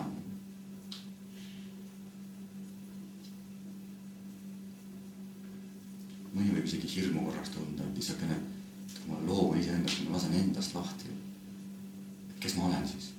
See ongi nagu Kris ütles, et selles kogemuses sa ei teagi, sa ei saagi ennast sildistada, sest sa tead, et sa oled, aga sa ei ole endale hetkel ühtegi silti andnud, aga kuidagi ei saa võtta ära seda empiirilist kogemust, et jaa, ma olen jätkuvalt olemas.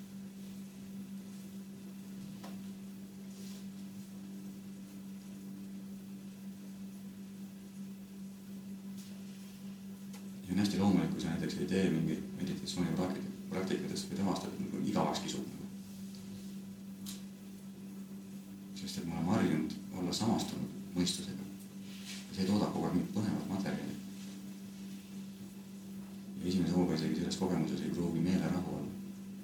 aga kui harjutada, siis meelerahu hakkab vaikselt imitsema. ja eesti keeles on väga ilus sõna meelerahu, et meel on rahul. meel ei ole läinud mingi, mingi mõtte peale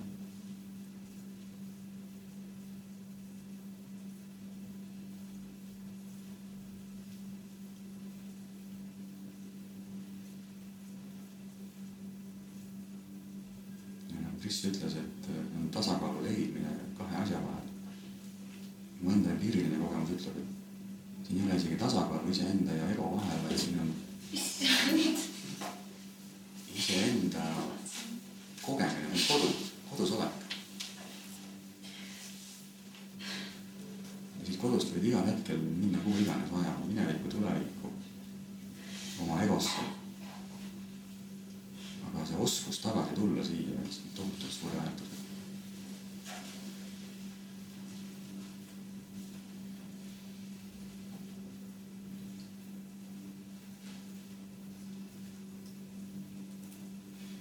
ja nüüd tee silmad lahti, aga proovi säilitada algul, ära mine kohe tajudesse, eks ära hakka vaatlema, vaid proovi säilitada see kogemus lahtiste silmadega.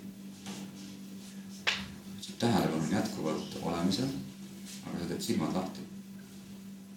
sa ei hakka kirjeldama, sa ei hakka silte panema ümbritsevale. et oled lihtsalt.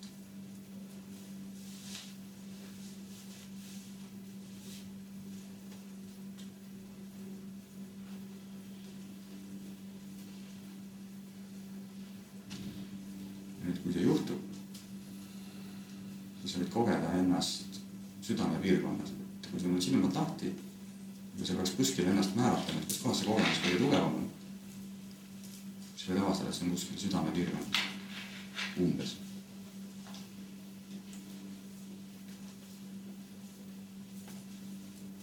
ja tõenäoliselt see on ka põhjus, miks nagu öeldakse, et see inimene on südames või, või süda on meie tegelik keskus. seda on võimalik täitsa kogeda südames aga nii kui mõistus käivitub, ego uuesti käivitub, nii see tsenter jookseb siit ülesse. ja siis kütab siin. üks väga hea harjutus, mida ma aastaid tegin, oli selline, et kui mõte kütab, siis sa kujutad ette, et siin on pingspall. ja siis sa pingspalli nihutad mõttes niimoodi allapoole ja hoiad pingspalli siin mõttes. väga hästi rahustas maha selle ülemise korruse.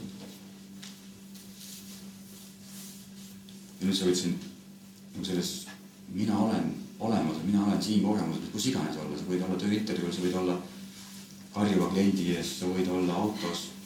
igal pool võid leida üles selle, et vau, et see on jätkuvalt siin. niikaua kui see on siin, niikaua tegelikult minuga päriselt midagi halba nagu juhtuda ei saa. ja see loob ka sellise turvatunde natukene.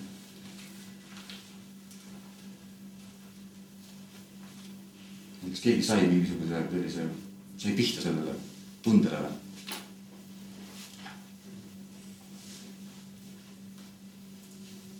Ja nüüd siis sellist valgustumist nimetatakse selleks püsivaks kogemuseks. ja meistrid ütlevad seda, ühe meistri käest küsiti, et kui kaua tuleb pingutada, et siit ei toimuks seda väljatõmbamist, et see ego ei võtaks üle. ja ta vastas, kuni ma hingan. ehk siis see on töö lihtsalt ühel hetkel see kaalukauss muutub. et kui praegu on väga suur pingutus jõuda sellesse kogemusse, mingil hetkel sa hakkad tundma, et ebamugav on minna välja siit. aga kui toimub mingi kriis, mingi ootamatus, keegi ütleb sulle või sa pead mingi, juhtub midagi ootamatut, siis see toimub hästi automaatselt. aga kui sa pikalt harjutad, siis sa avastad, et äh, sellest tundest sa küll ei tahaks minna praegu, et sa suudad nagu püsida sinna. ja mõnes mõttes selles kogemuses sa tunned, et sa oled vaba sellest psühholoogilisest koormusest ja seetõttu öeldakse, et äh, et esimene samm on loobuda iseendast. ja see on mõne jaoks väga hirmutav, et iseendast, kuidas ma iseendast loobun. aga siin mõeldakse seda psühholoogilist mina, et loobu iseendast. et jää sinna, kes sa tegelikult äh, oled. sa ei saa sellest päris olemusest, sa ei saa loobuda, nii kaua kui sa teadval oled, nii kaua sa oled olemas. et sa saad loobuda oma sellest mineviku taagast, oma hirmudest, sellest saab loobuda aga ta iga hetk on olemas, ta on, ta ei lähe kuhugi ära tegelikult. sul on alati võimalus sellesse uuesti lülitada. ja see on minu jaoks väga kasulik näiteks. ja see on midagi väga praktilist, et see ei ole filosoofia, see on väga-väga praktiline. see on huvitav jah, sul on, äh, see on hea, hea, et sa tegelikult seda harjutuspäeva tegid siia, sa tõi, tõi, ma arvan, päris paljudele siin saalis ka võib-olla selle tunnetuse, et just seesama lause, et see on, see on nagu praktiline. see ei ole ainult äh, sihuke õh, õhkõrn, mingi voodoo mm -hmm. Mingisugune lihtsalt verbaalne mõte või olemus. väike vahepealne küsimus väikse kaardipaki loos. Einar naeratas selle rõõmsalt juba, et Maias poiss et aga kui mitu külalist on ausalt meelt podcast'is poolteist aasta jooksul kokku üles astunud, käsi püsti ja vastus. kõige ligi, kõige lähedal, lähedal olema saab siis selle. sada. ei külalist. külalist, no üheksakümne kaheksas saade on täna on ju. Kas on rohkem külalisi olnud? seitsekümmend, seitsekümmend. ei. viiskümmend. kas tuleb veel täpsem kuskilt? kuuskümmend. kuuskümmend viis.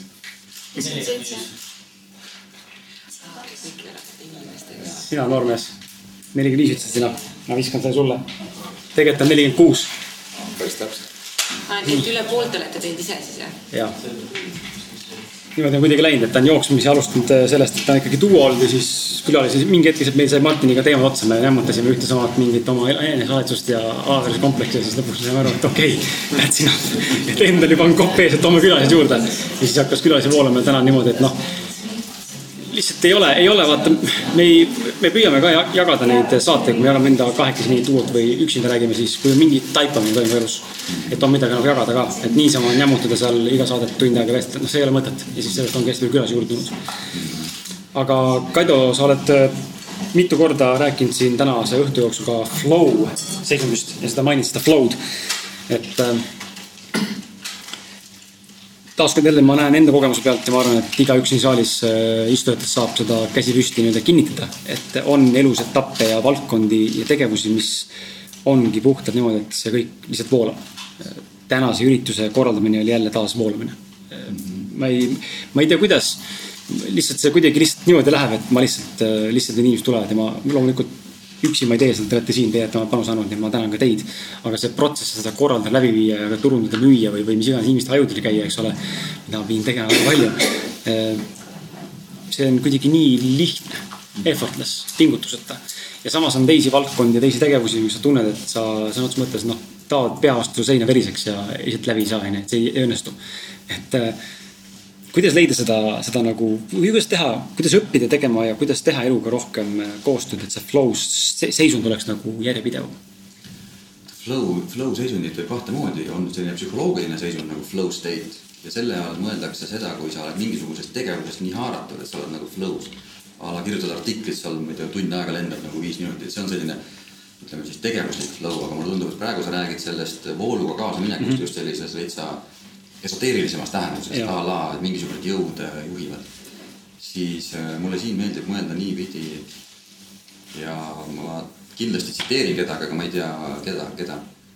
et niikaua, kui sa lased egol kontrollida, nii kaua universum lubab sul egol kontrollida, proovi siis.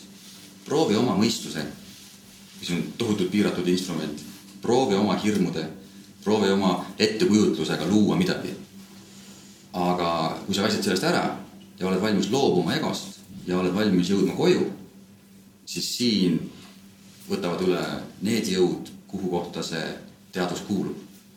ja ka näiteks piiblis on öeldud ju, et äh, inimene loodi Jumala näo järgi.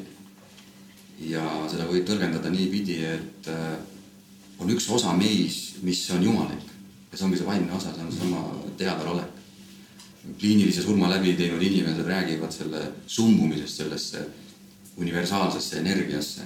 ja nüüd see miski on meis olemas, see teadvalolek. ja minu siiras usk, varasemalt usk, nüüd ka kogemus, on see, et mida rohkem me püsime ja mida rohkem me pingutame selle seisundi nimel, ehk siis selle koju jõudmise nimel, seda rohkem tegelikult elu toetab meid ka võib-olla mõnes mõttes selliste triviaalsete mugavuste saavutamise nimel.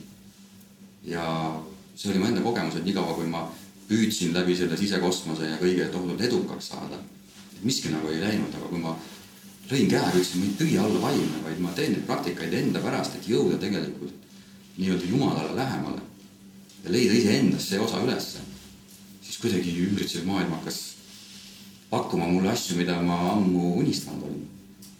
ja seetõttu ma julgengi öelda, et sellel on ka lisaks sellisele rahu väärtusele väga praktiline väärtus mm. -hmm. et kui sa päriselt julged selle tasandiga sellises vaimses mõttes tegelema hakata ja päriselt julged loobuda iseendast ja alistuda päriselt, siis võivad imed juhtuma hakata. ja sealt tekibki see flow, et läbi selle, kuidasmoodi sa püsid teadvel, läbi selle sa suhestud läbi intuitsiooni selle jõuga. sa enam ei mõtle asju välja, vaid sa intuitiivselt hakkad mingeid asju tabama, mingeid asju valima ja see ongi see flow's püsimine, sa tabad kiiremini ära, okei okay,, et tundub, et see tee ei lähe, seda ei ole mõtet või tundub, et see tee, see ei ole see tee, mida antud juhul mingisugune kõrgem osa sinust ootab, et okei okay,, ma lähen seda teed mööda.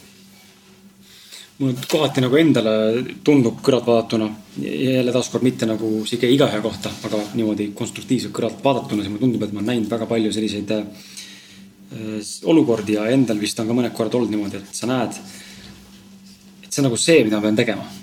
Aga ta kurat ei lähe. ta kurat ei liigu noh, nii nagu vaja oleks, miski nagu takistab. ja võib-olla siit ka sulle uus küsimus selline, et kuidas nagu ära tunda siis äh, need ohumärgid või vastupidi, need äh, positiivsed nii-öelda kinnitusmärgid, mis näitavad sulle, et see, see, see flow, kus sa oled praegu nii-öelda tap in'i või siis nagu sisse nii-öelda nagu supsanud ja nagu vupsanud. et see on see, kus sa tegelikult peaksid edasi jätkama, et ära anna alla, vaid mine natuke veel ja siis on see, mis sa tegelikult nii-öelda oodanud, nüüd on, nüüd on see nagu platoo käes onju. ja mulle tundub, et tihtipeale me loobume sellest just nagu läepaku ees, uks on lahti juba onju. ja, ja juba inimesed tervitavad ja meie võimalused on, aga me nagu ise nagu kuidagi, et aah, et see ei tööta ja ma astun tagasi ja ma nullin kogu protsessi. kuigi tegelikult teekond oli õige mm. -hmm. et äh, kuidas võib-olla selles äh,, ma ei teagi, seda, seda ära tunda, et, et, et äh, leida endasse jõud ikkagi, et edasi pingutada. ma usun, et ainult vaikuses ja mitte ainult keskkonna mõttes vaikuses, vaid süsteem peab vaikseks muutuma. sest et äh, ütleme, et mõtted ja emotsioonid on nagu, ma ei tea, kaubarong. kui sa oled näiteks kuskil rööbaste kõrval. aga see intuitsioon, see on nagu sosin, kujutad ette, kui sul kaubarong paneb kõrval ja keegi sosistab sulle kõrvast, kuule tee niimoodi. sa ei kuulegi seda elu sees mm. -hmm. ja see süsteem tuleb nagu vaikseks saada ja süsteem vaikseks äh, muutub ainult võib-olla üksinda kodus meditatsioonipadjal et seal süsteem muutub piisavalt vaikseks, et sa hakkad päriselt mingisuguseid taipamisi kuulama. ja nüüd ka läbi praktika, kui sul see ütleme, teadvalolek ikkagi muutub lihtsamaks ja sa üha rohkem tunned ennast seal koduselt, siis ka meditatsioonipadjal, kui sa mõnikord maha istud, siis ega mõtted ju möllavad ja emotsioonid möllavad. aga sa siiski leiad ja koged ennast selle vaatlejana. ja nüüd vaatleja on see, kes suhestub intuitsiooniga ja see on see koht, kus kohas sa tunned, et okei et peaks selle nii tegema, peaks selle näoga tegema, sellele peaks õige ütlema sellele peaks äh, jaa ütlema. aga kui ei viitsi meditatsioonipadjal teha, siis on olemas selline süsteem, mida ma nimetan lippude süsteemiks, need on nagu punased, kollased ja rohelised lipud. punane lipp oleks olnud see, kui näiteks oleks pannud tänase sündmuse ülesse, selle event'i ülesse ja sa üritad event'i ülesse panna ja mingi error on event, event ei lähe üles. sa kirjutad oma elukaaslasele, ütled, kuule, proovi sina. mul on mingi jama Facebookis. ja siis elukaaslane avastab, et kurat, password on kadunud. siis helistad emale, et kuule, proovi sina, sellega on kiire veitsa. ja ema telefon on väljas juhuslikult mm. -hmm. siis mõtled, midagi on nagu mäda. totaalne punane lipp. et, et võib-olla peaks nagu aega andma. kollane lipp oleks võib-olla see, et sa oled selle event'i ülesse saanud ja vaatad, ei lähe noh võib-olla keegi oleks ütelnud, et kuule, see on vale teema, et a la, et ei viitsi, see on mingi võõras inimene, ei viitsi nagu. oleks saanud mingeid signaale, et vaatad, et päris tee kinni ei ole, aga võib-olla pead nagu mõtlema, et äkki oleks pidanud uuesti tegema, äkki kellegi teisega. see oleks nagu roheline lipp. ja, või tähendab kollane lipp. ja roheline lipp oleks, ongi see, et sa tunned, et sa lähed, paned, teed, et kuidagi asjad lähevad. ja seda on hästi palju veel. ja see päriselt töötab ja nüüd ongi see, et kas sa julged usaldada universumit ja selle sellist organiseerivat jõudu, kui sa usaldad ainult oma mõtteid. ja kui sa näed mingisuguseid märke, et okei okay,, siit toimub mingi suunamine, siit toimub mingi kohandamine, aga loogika tuleb vahele, loogika hakkab ütlema, et aa, see ikka nii ei saa minna, et see päris nii ei ole ja nüüd ongi see, et mõnes mõttes võib-olla universum testib sind, et, et kelle paadis sa nagu päriselt oled. nüüd, kui sa siin loobud oma mõtetest, oma hirmudest, ütled okei okay,, ma lähen sellega kaasa ja vaatan, mis siin saab, siis siit võib jackpot tulla mm. -hmm kas kellelgi on siin publikust see tunne, et on kollane lipp või punane lipp käsil? noogutad, tahad, tahad, soovid jagada, ei soovi? põgusalt sundima ei hakka ka. et, et eks ta on huvitav jah. ma räägin teile lihtsalt inspiratsiooniks kaks lugu, mis on viimase kahe aasta jooksul juhtunud. ja need on minu elus väga-väga suured asjad, need asjad, millest ma olen eluaeg unistanud. ja nüüd kaks aastat hiljem ma küsin endalt tihti, et kuidas see võimalik üldse oli. Üks oli seotud autoga, et kui ma hakkasin neid ärisid tegema, siis minu selliseks edu sümboliks oli ilus auto ja ma Tartus käisin poksitrennis ja ma kuidagi identifitseerisin ennast sellise nagu poksijana ja seal olid meie mingid eeskujud tolleaegsed, mingid üheksakümnendate Tartu kantpead ühesõnaga. ja siis loomulikult minu jaoks oli see BEM oli see edu sümbol, ma BEM-i nagu saama, et ma pangast tahtsin BEM-i saada, pangast sain kurat Seat Toledo endale nagu, totaalne läbikukkumine. Siis läksin ehitusettevõtetesse või sinna ehitusettevõtte tegime, tahtsin BEM-i saada ja viimases hädas me olime juba tegelikult võlgades ja ikkagi tellisime need bemmid, aga kaks kuud hiljem läks pankrotti, kaks kuud sain sõita oma bemmiga. ja siis ma hakkasin vaimseks. ja siis ma ise rääkisin, ma olen nii vaimne ja siis vaikselt kirjutasin õhtuti neid äh, wish list'e, esimesel kohal ikka oli BMW ja, ja Toyota Land Cruiser ehk siis bemm ei olnud kuhugi kadunud nagu. ja siis ma kuidagi mingil hetkel ju siis mingi osa minust tervenes, aga igal juhul ma sain nagu sellest haigusest üle, et ma otsustasin, et ma ei pinguta enam selle nimel ja ma ostsin endale Ford Mondeo, sõitsin sellega viis aastat. ja ikka silmanurgas nägin mingisuguseid nagu autosid, mis mulle meeldib, et see haigus oli sees ikkagi. ja noh, Bemmist olin ammu üle saanud, mõtlesin, et see mulle enam ei meeldigi. Aga käisin naisega pulmareisil ja Volvo oli tulnud välja ühe uue mudeliga ja ma pulmareisil Rootsis nägin ühte ilusat musta Volvo S üheksakümmend, selline soliidne, mõtlesin, et see oleks selline tore auto, et ta ei jäta kuidagi klientidele vale muljet, et ei ole mingi Audi ja, ja mulle endale ka tohutult meeldis mäletan, ütlesin Katleenile ka, et oot, vaata kui ilus auto. ja läksin õhtul hotelli juba. hakkasin guugeldama. oi. Ma ei mäleta, mis ta maksis, mingi kuuskümmend või seitsekümmend tuhat ja et elu sees ei viitsi sellist autot endale osta nagu oma raha eest. ja loobusin. ja läksin koju, veits veel nagu push isin ja mäletan hästi, me läksime õhtul magama ja ütlesin Katleenile, et tead, ma panen selle teema kõrvale. ma ei viitsi. et ma ei lähe sellesse samasse mustrisse, et hakkan mingi auto pärast. ja loobusin ja siis kas oli järgmisel päeval, ülejärgmisel päeval oli üks kohtumine ühes automüügifirmas, kuhu oli kutsutud siis koolitustest rääkima. Ja astun sisse ja vaatasin, must Volvo S üheksakümmend seisab esimesel ees niimoodi, ilus, läigib. ja ma olin seal palju käinud autosid istutamas niimoodi. ja siis istun sisse, vaatan, oi raisk, see on minu auto. selline minimalistlik, ilus, nagu super. vaatan hinda, nelikümmend üheksa tuhat. vahet pole. Läksin kohtumisele ja räägime juttu, seal oli siis see tegevjuht ja omanik ja räägime jutud ära. leppisime kokku, et võiksime mingid mm, siis koolitused teha ja jutud saavad läbi ja täitsa mööda minnes omanik küsib, et kuule, kas sa partnertehingut ei tahaks teha? ütlesin, ma ei tea, et kuidas sa mõtled. no ma ei tea, meil eile tuli üks äh, Volvo Rootsist, et kas seda Volvot ei tahaks endale. et teed meile nagu paar koolitust ja sõidad selle Volvoga aasta aega. ütlesin, et tegin muidugi sellise näo nagu, et nagu need pakkumised oleks iga päev. ka nagu. siis mõtlesin, et kuidas see võimalik on, kuidas see asi praegu juhtus. ja ütlesin, et no võime ju kaaluda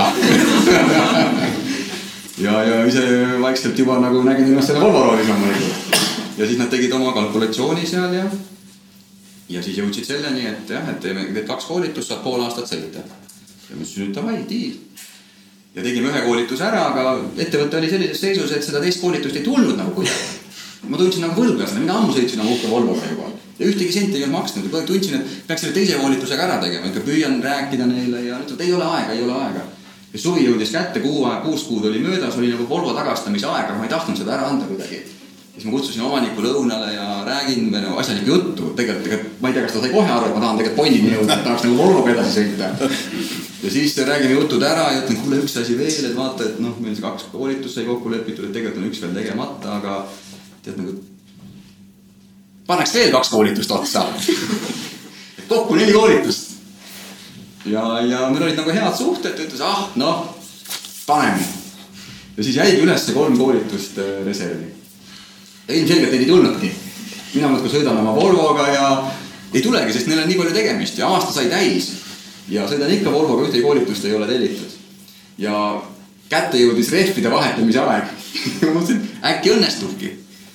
Aga alati on mingil asjal nagu piir ja siis ma võtsin ühendust, ma olin ka aumees, ütlesin, et davai, saame kokku, räägime ja siis leppisime kokku, et okei okay,, need neli koolitust jäid nagu ülesse. et nüüd siit alates nad esitavad mulle siis arve, hakkan siis iga kuu maksma selle Volvo eest. ja leppisime siis kokku, et okei okay,, need kolm koolitust ei jõuagi niimoodi tehtud, et siis me tegime nagu lühikeste sammudega. ehk siis see, kuidas ma sain selle Volvo, see oli minu jaoks totaalne ime. ja sellel on teine pool veel. Täpselt samal ajal, kui see Ford sai müüdud täpselt samal ajal, kui see Volvo tuli siis meil täiesti lambis tekkis naisega mõte ehitada maja. ja ma ei olnud kunagi väga mõelnudki, et minust nagu majainimene võiks saada, ma arvasin alati, et ma olen äh, korteriinimene. aga missugune sünkroonsus seal pihta hakkas, et me leidsime selle maatüki kuskil Vääna-Jõesuus, see oli päevade küsimus, kui me jõudsime mm, notarisse, see inimene andis viisteist tuhat tuli nagu hinnas alla. Täpselt samal päeval meil õnnestus üks teine korter maha müüa, see oli totaalne sünkroonsus. ja siis äh, praktiliselt poolteist aastat ma tegin koolitusi ja praktiliselt tuhande euro täpsusega tuli koolitusi peale niimoodi, ma finantseerisin seda maja.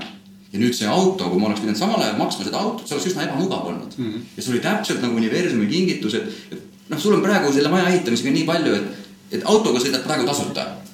ja nii kui maja valmis sai selle aasta kevadel, nii umbes kuu aega hiljem tuli ka see auto teema, et noh, nüüd sa oled valmis, said oma maja, said maja, nüüd hakka maksma, et ega elu lõpuni ka tasuta sõita ei saa mm. -hmm ja see on ime. ja ma räägin seda sellepärast, et teid inspireerida, et tegelikult mulle tundub, et siin on need seosed olemas. et, äh, et universum justkui ootab meilt, et me tegeleksime tema jaoks oluliste teemadega. ja teda huvitab ainult üks asi, et me jõuaksime koju. Ja nüüd mulle, see kõlab triviaalsena, aga võib-olla selle eest ja ma ütlen, võib-olla ma ei tea, et kas see on nii või ei ole. võib-olla selle eest, et neid inimesi, kes päriselt võtavad selle teekonna ette teekond koju või teekond siis ärkamiseni. et noh, nendele antakse ka, nagu mu naine kunagi ütles, et kuule, et universumi jaoks on see nagu sõrmeklips anda sulle mingi asi või lahendada mingi asi ära, et kui see asi on praegu niimoodi, järelikult ta peab niimoodi olema, et see ei ole nagu keeruline asi universumile ära lahendada. ja mulle meeldib niimoodi mõelda. Ja see annab mulle väga-väga palju indu. kui palju sinu meelest tänulikkus on, mahub, mahub siia valemisse? sajaprotsendiliselt tänulikkus universumile selle eest, et ta seda kõike pakub. absoluutselt. tohutu tänutunne on ja ütleks nagu pisarateni tänutunne on, kui sa istud seal oma võrkkiiges ja mõtled, et kuidas see ikka juhtus pooleteist aastaga, et mulle selline maja tuli. kuidas see juhtus? Ja sa ei oska kellegi poole pöörduda. ego võiks nagu tampida käega vastu rinda, et kurat, kus ikka koolitasin. kurat, kus ikka küsisin hinda, ikka julgesin küsida aga tegelikult, kui sa vaatad nagu kõrvalt, vaatad, et see on mingisugune sünkroonsus ja see juhtus lihtsalt. ja näiteks nüüd, kui maja sai valmis, see poolaasta on olnud oluliselt äh, vähem tellimusi. mulle tundub, et, et nüüd on see koht, kus kohas, okei okay,, sa said, mis sa tahtsid, said oma auto, said oma maja, tegele oma perega mm. -hmm. Et no võta oma naisele rohkem aega, võta oma lapsele rohkem aega, et sa ei ole selles väga hea olnud. ja tundub, et see kõik on koostöö ja kui sa ise hakkad siin liialt sekkuma ja ise oma ego baasil mingisuguseid asju punnitama, et siis võib ikka vussi keerata asja, ma ütleks mm. -hmm. et tuleb ohtlikult väga ettevaatlikult tuleb, tuleb proovida neid asju teha. jah, paneb mõtlema ja inspireerib kindlasti. Ma eeldan, et äh, julgen arvata, et ka teid paljud noogutavad kõnetes. ma arvan, et teil on endal tegelikult siukseid lugusid siin äh, jahvatada küll ja küll, kus elu lihtsalt sünkroonselt äh, tiksus, jooksis ja, ja pakkus seda, mis tegelikult tahtsid, ilma et oskaks nagu ette arvata või näha. ja toon teile ego näite. kuna mina olen olnud selline edufriik lapsest saati, siis mulle tundubki, et minu suhe Jumalaga ongi tegelikult läbi selliste nagu rahaasjade. Sest see on minu jaoks kõige, kõige väärtuslikum olnud ja, ja selle kõige taustal, et ma seda kõike nii intensiivselt praktiseerin, ma väga naudin oma mugavat elu ka nagu majanduslikus mõttes ja ma ei tahaks sellest äh, loobuda. ja nüüd tundub, et universum teab seda, et see on minu jaoks tähtis ja mulle tundub, et ta saadab mulle õpetussõnumeid läbi selle, ma mäletan hästi, see oli paar aastat tagasi, kui ma saatsin ühe, ma kogu aeg kerisin nagu hinda natukene koolitusel, tahtsin oma nagu piiri kätte saada ja siis olin maal ja ma ei mäleta, kuidagi tuli jutuks nagu õdedega, jõemees oli seal ja ta ala, et noh, mis koolituse päeva eest siis makstakse. ja ma olin just pannud mingisuguse uue lati nagu, ah, nii palju. ja ma mäletan seda mõnu, kui ma selle välja ütlesin. noh, päeva hind võiks ikka selline olla. ja ma sain kohe aru praegu, et ma tegin vea. ma sain kohe aru, et ma tegin vea, sest ma tundsin, kuidas moodi tegelikult see ego korraks nautis seda mm -hmm. koolitaja ja see oli tundide küsimus, kui see klient, kellega oli see diil tehtud juba, see klient kirjutab, et kuule, et kahjuks me ikkagi seekord ei telli koolitust. ja ma loen seda, mõtlen, oleks võinud ütlemata jätta. ja neid olukordi on väga-väga palju, kus ma tunnen, et kohe karistatakse ära. nii kui sa lähed oma ego peale ja hakkad selle pealt arvama, et okei okay,, mina teen, mina saavutan. kohe näidatakse, et okei okay,, pole vaja. proovi see siis ja võib-olla mõne jaoks kõlab see totaalse luuluna.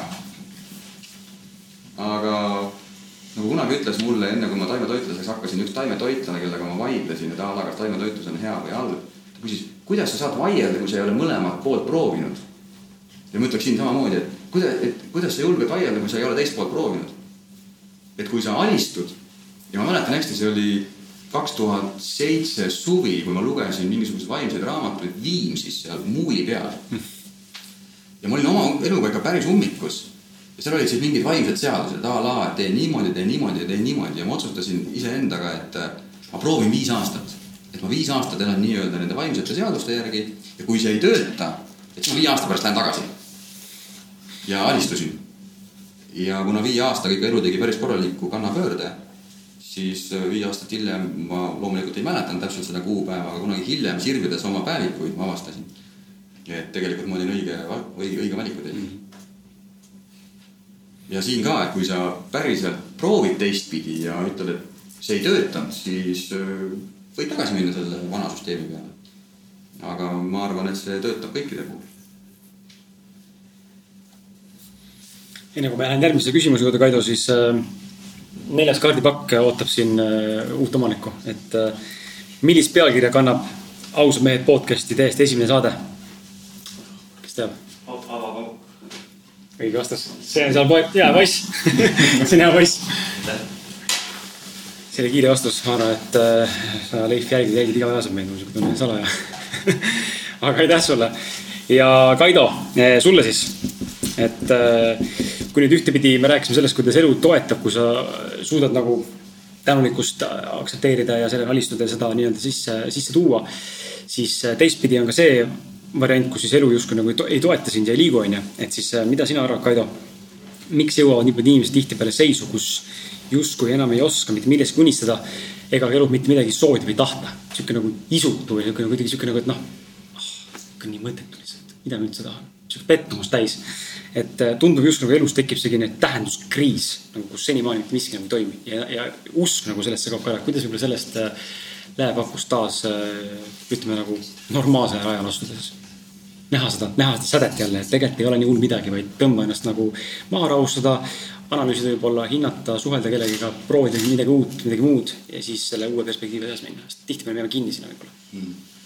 mulle tundub jälle niimoodi, et kogu see eneseotsing, see tähenduse otsimine, see on mentaalne protsess et mingisuguses elufaasis me anname mingisuguse tähenduse, et okei okay,, see on nüüd niimoodi, siis see ei tööta, siis ma annan sellele teistsuguse tähenduse, tõlgendan, teen seda kõike, aga see on tegelikult mentaalne protsess. nüüd ka kõige sügavamas kriisipunktis on võimalik tulla teadvale ja avastada ennast, et okei okay,, vaatamata sellele, et mul puudub hetkel igasugune tähendus, ma olen olemas. ja sel hetkel sa tegelikult, nagu sa ennem kasutasid, seda tap-in, sel hetkel sa lülitud elusse endasse. et muidu sa oled lülitunud sellesse egosse ja ego on see mentaal-emotsionaalne kompleks, otsid sealt vastuseid. et äkki see ikka, äkki see ikka, äkki see ikka. ja äkki tõesti, aga tõenäoliselt, kui sul õnnestub sel hetkel keerata ennast sada kaheksakümmend kraadi ja lülituda vaikusesse, siis sa saad aru, et okei okay,, et et ma ei ütle, et see ei ole tähtis elule tähendust leida, aga avastada ennast ikkagi selles oma tegelikus olemuses. ja öelda, et okei okay,, ma vaatan, mis siin ümber praegu tegelikult toimub nagu. ja siis vaikuses võib tulla mingisugune taipamine. ja sealt võib olla näiteks äh, vastus nii et äh, ma ei tahtnud korrata ennast, aga lõpuks ikkagi kõikide sedalaadi kriiside lahendamine toimub läbi vaikuse mm. -hmm. Tuleb vaigistada kõigepealt see hullumeelne mõistus, mis toidab emotsioone ja sul ei õnnestu seda vaigistada, sellepärast et see mehhanism on loodud selleks, et ta oleks hullumeelne, vaid ennast sellest välja lülitada või tõusta sellest kõrgemale. ja seal sa oled ühenduses eluga, selle osaga, mis liigutab planeete piltlikult öeldes ja mõni asi siis nagu sulle üks asi siin ära lahendada ei ole mm, -hmm. kui ta suudab planeedid liikuma panna. Ja nüüd on see julgusega seotud. et sel hetkel mitte mõelda näiteks oma asjade peale, see vajab vaprust. sest et me oleme nii harjunud kogu elu käsitlema läbi mentaalsete tähendustega. et see on nii ja ma tean, et see läheb niimoodi, läheb niimoodi temal läks ka niimoodi, nüüd läheb täitsa niimoodi. ja see on see, mis tõmbab meid kaasa ja nüüd see vajabki teatavat julgust algul öelda, oh stopp nagu seda on võimalik teha, et me kodus naisega praktiseerime seda kogu aeg, et et tema mõnikord mulle tuletab mingeid asju meelde, et meil on selline parool, et tule teadele. ja see parool kehtib äh, nii tülitsedes kui ka väljaspool tülisid. et kui teine ütleb, tule teadele, siis sa pead teadele tulema. et siis paned oma selle mehe rolli ja selle haavunud poisikese rolli kõrvale, et sel hetkel sa jõuad sellesse kõrgemasse paika. see on huvitav huvitav äh, kontseptsioon, peaks seda võib-olla isegi proovima. tundub, et võib nagu kõnetada isegi.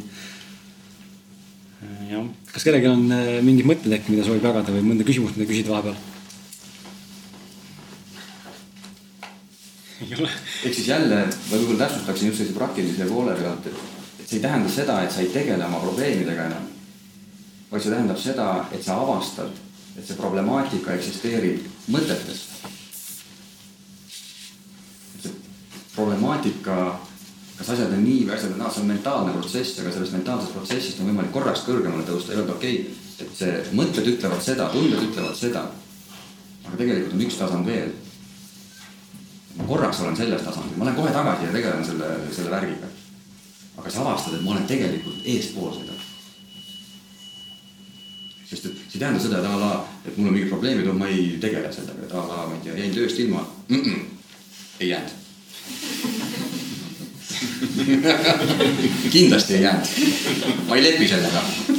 Lähed homme kohale? jah, lähed homme kohale. et jutt ei käi sellest, et seda ei tohi vähe tõlgendada. vaid see tähendab seda, et sa leiad ennast. ma, enda suhtes ütleksin seal, kus ma tegelikult olen. aga võib-olla alguses võib kõlada kuidagi segaselt, aga sa leiad ennast seda kõike vaatlemas ja siis saad nagu otsustada, millega on vaja tegeleda ja millega ei ole vaja tegeleda, sest niikaua, kui sa oled nii samastunud sellega, sa ei saagi sellele anda tähendust, ka neutraalset tähendust ei saa anda. et kui ma olen eluga kriisis ja minu lugu on tegelikult üles ehitunud minu enda isiklik kogemus, minu sõprade kogemus, raamatud, mida ma olen lugenud, see kõik on mingi hunnik informatsiooni minu peas. ja ma otsin sealt lahendust, aga seal ei ole seda lahendust. ja see tekitabki selle stressi, et kõik need hirmustsenaariumid, see tuleb sealt. nüüd lülitad sealt välja, vaatad, vau et ma olen olemas. siin on klaas olemas, võtad loomstab välja, samas et tegelikult on nagu hetkel on kõik korras. ja siis saad nagu tagasi lülitada sinna, et on see, saate pihta, eks. et see ei tohiks tähendada eitust mul tekkis üks küsimus. et äh, vaata, Kris, sa enne rääkisid sellest, noh, kirjeldasid seda, et ongi, et mingid asjad, näiteks selle ürituse korraldamine läks sul hästi kergelt, hästi sujuvalt, mitte mingeid probleeme polnud ja kõik oli justkui nagu toetatud ja siis, et mingid tegevused on siuksed, kus sa pead hullult ennast suruma ja sundima ja sihuke nagu teeks absoluutselt kõike muud siin maailmas peale selle asja, mida sa justkui tegema pead. Äh, kui palju sinul, Kaido, on elus äh, hetkel veel äh, sellist asju, mida sa pead sundima ennast tegema? on ikkagi. väga palju on muidugi. sa ütled niimoodi, sul, Kaido, nagu ma oleksin, ma ei ole üldse, ma olen täiesti sama segaduses nagu kõik teised. Absoluutselt, lihtsalt mida ma olen harjutanud, ma olen harjutanud seda märkamisvõimet ja oskust välja lülitada, õigel hetkel välja lülitada, kui asi läheb kriitiliseks minu jaoks, mitte nagu asjaolude mõttes kriitiliseks, vaid ma tunnen, et siit läheb piir. ma teen seda koolituse vältel, ma ei tea, kümme korda, kakskümmend korda päevas näiteks. kes on klassi ees, räägib, tulen teada ära, no okei okay. oh,, päris hea nõu. et siin mingi värk toimub ja siin mingi tüüp räägib iseendast nagu, tunned, et see mingi flow on siin nagu, aga tuled nagu välja sellest korraks, vaatad, no päris okei okay. eriti kui mingi jama keegi ründab sind näiteks koolituselt, tuled välja seal, vaatad, mingi tüüp ründab seal mingit tüüpi. aga ma mõtlen just siukseid asju, et, et, et kui sa tunned, et sa noh, näiteks, et et sa pead sa nagu sundima, et kui sa pead sundima tegema midagi sellist, mida sa nagu, sa, ma ei tea, su keha ja kõik ütleb, et sa ei taha teha siukest asja. väga palju, lähen hommikul näiteks üldse ei viitsi ärgata ja minna naise ja lapsega koeraga jalutama, et parema meelega loeks raamatut. prügikasti viimine isegi see eri nii palju. sest mulle meeldib olla väga palju vaikuses ja ma ei ole väga hommikuinimene. aga kuna Katleenil hommikul on vaja ära käia, sellepärast mul tuleb laps magama, tulevad päeva toimetamised siis ma eelistaksin mitte minna. ja mulle meeldiks öelda, et saa hakkama, mine üksinda. mina lähen padja peale piltlikult öeldes nagu mediteerima või oma tööasju tegema. üldse ei viitsi minna, aga ma teen seda tema pärast. nii et ma võin öelda, et seal ma lähen iseendaga vastuollu, aga mis siis. Ja ma näen seda vastuolu, mis tekib ja nüüd ongi see, et mul on võimalik tegelikult äh, sellest vastuolust olema, olenemata teha, sest et. no sa valid nagu kahe vahel, on ju. väga õige, ma valin teha, jah, jah. ja valid selle, mis kergem on teha, kergem on minna, kui minna vastuollu kogu selle noh, nii-öelda et kergem on tulla oma naisele vastu, kui hakata seal ajama oma seda mm -mm. padja peal olemise. kergem on, kergem on äh, sel hetkel ma saan aru tegelikult, et see on oluline, ma teen seda tema nimel, ma teen seda pere nimel, mitte sellepärast, et a la tema oma tahtmise saaks. aga tegelikult ma ei ole võib-olla väga selliste kõrgete standarditega, ma ei ole väga hea mees olnud, et mul on mitu suhet nagu ummikusse jooksnud ja ma ei ole väga hea isa osanud olla. ja ma tunnen, et nagu lõpuks on nagu võib-olla see koht, kus ma peaksin nagu pingutama ka natukene, et mitte arvama, et a la, et olla mees tähendab seda, et mul on nagu üks asi seal lihtsalt ja, ja et sellest peaks nagu piisama, et et ma teen seda sellepärast, et ma usun, et tegelikult see on õige asi ja ma valin seda sellepärast teha. aga mõnikord ka sellepärast, et ta on must neliteist aastat noorem ja ma näen, et ta jonnib ja mõtlen, ah las minna siis, vahet pole aga see vabadus tekibki sellest, et kui, kui sa oled täielikult samastunud nende emotsioonidega, siis sa lähed ja kannatad. aga nüüd, kui sa sel hetkel näiteks tuled teadvale ja sa tunned, et see emotsionaalne ebamugavus on olemas, mis kaasneb sellega, algul vähemalt, siis ikkagi see teine dimensioon on ka ole, alati olemas. see vaatleja on ka olemas ja sul on võimalik jälle nagu lülituda nende kahe tasandi vahel. ja see annab selle vabaduse mitte kannatada nii palju, sest et muidu vaata toimub leppimine ja leppimisega kaasneb alati emotsionaalne allasurumine mm.. aga läbi selle teadvustamise toimub aktsepteerimine, sest sa lased lahti soovist olukorda muuta. sa lased lahti sellest lihtsalt ja sa oled justkui vaba sellest. Kuidagi niimoodi mulle tundub, et see protsess on. võid ju vaatenurka ka muuta, et see, kuidas sa nimetad. ja võid talle teise tähenduse anda, aga siis sa teed seda sellel mentaalsel tasandil, et okei okay,, ma teen seda sellepärast. tõesti on hea värsket õhku hommikul. absoluutselt, jah. ja teengi päris tihti seda tegelikult, kui jah, kui niimoodi vaadata. aga mul ongi üks küsimus pandud siia kirja tegelikult suhetes ka, et äh, äh, hea, et sa muutsid seda, sest et see läheb siis äh, õigesse nii-öelda auku või, või või nagu, nagu, või nagu sõber, ma ei mäleta, kellega ma, kurat, kellega ma rääkisin seda, täitsa lõpp täitsa lõpuni ei tule meelde, kes ütles mulle seda. võib-olla see on keegi siit tänase publikus või meelde, keegi ütles mulle alles mingi asja peale, et tead, see on siuke väljend, et äh, nagu näpp sõbra perse siis ma tükk aega mõtlesin, aga mida ta mõtleb seal all. siis ma sain aru, et see on nagu noh, nagu sihuke silmaaukuga, teise analoogiga mm. -hmm. aga, aga ühesõnaga, et äh, paljudel on täna äh, suhted ja, ja ükskõik kui hea sinu suhe ei oleks ka, siis selles on alati omad katsumused mm. -hmm. minul on katsumused äh, samuti on noh, kõigi teiste katsumused, need on erinevad, erinevas mahus, erinevas mastaabis, erinevas äh, võimekuses mm, -hmm. erinevate probleemide üle või ümber. et äh, ja kui ma räägin nagu probleemist, ma ei viita ka otseselt probleemi nagu probleemile. noh, nüüd on mingi fucked up error ja nüüd on pekkis, vaid, vaid see on nagu mingisugune situatsioon mm. -hmm. ja nagu sa räägid ka siin siis kompromissi tegemist, et kas sa astud siis konflikti oma naisega, mis võib tekkida sealt, et sa ei tule on ju jalutama või sa lähed jalutama mm. -hmm. aga et minu küsimus oleks selline, kuidas hoida armastussuhet ja, ja kuidas leida seda meelerahu enda püsisuhtes, kui enda sisemaailmas on ebakindlad ajad? küsi uuesti. et kuidas hoida armastussuhet koma, kuidas leida meelerahu enda püsisuhtes, kui sinu enda sisemaailmas on ebakindlad ajad?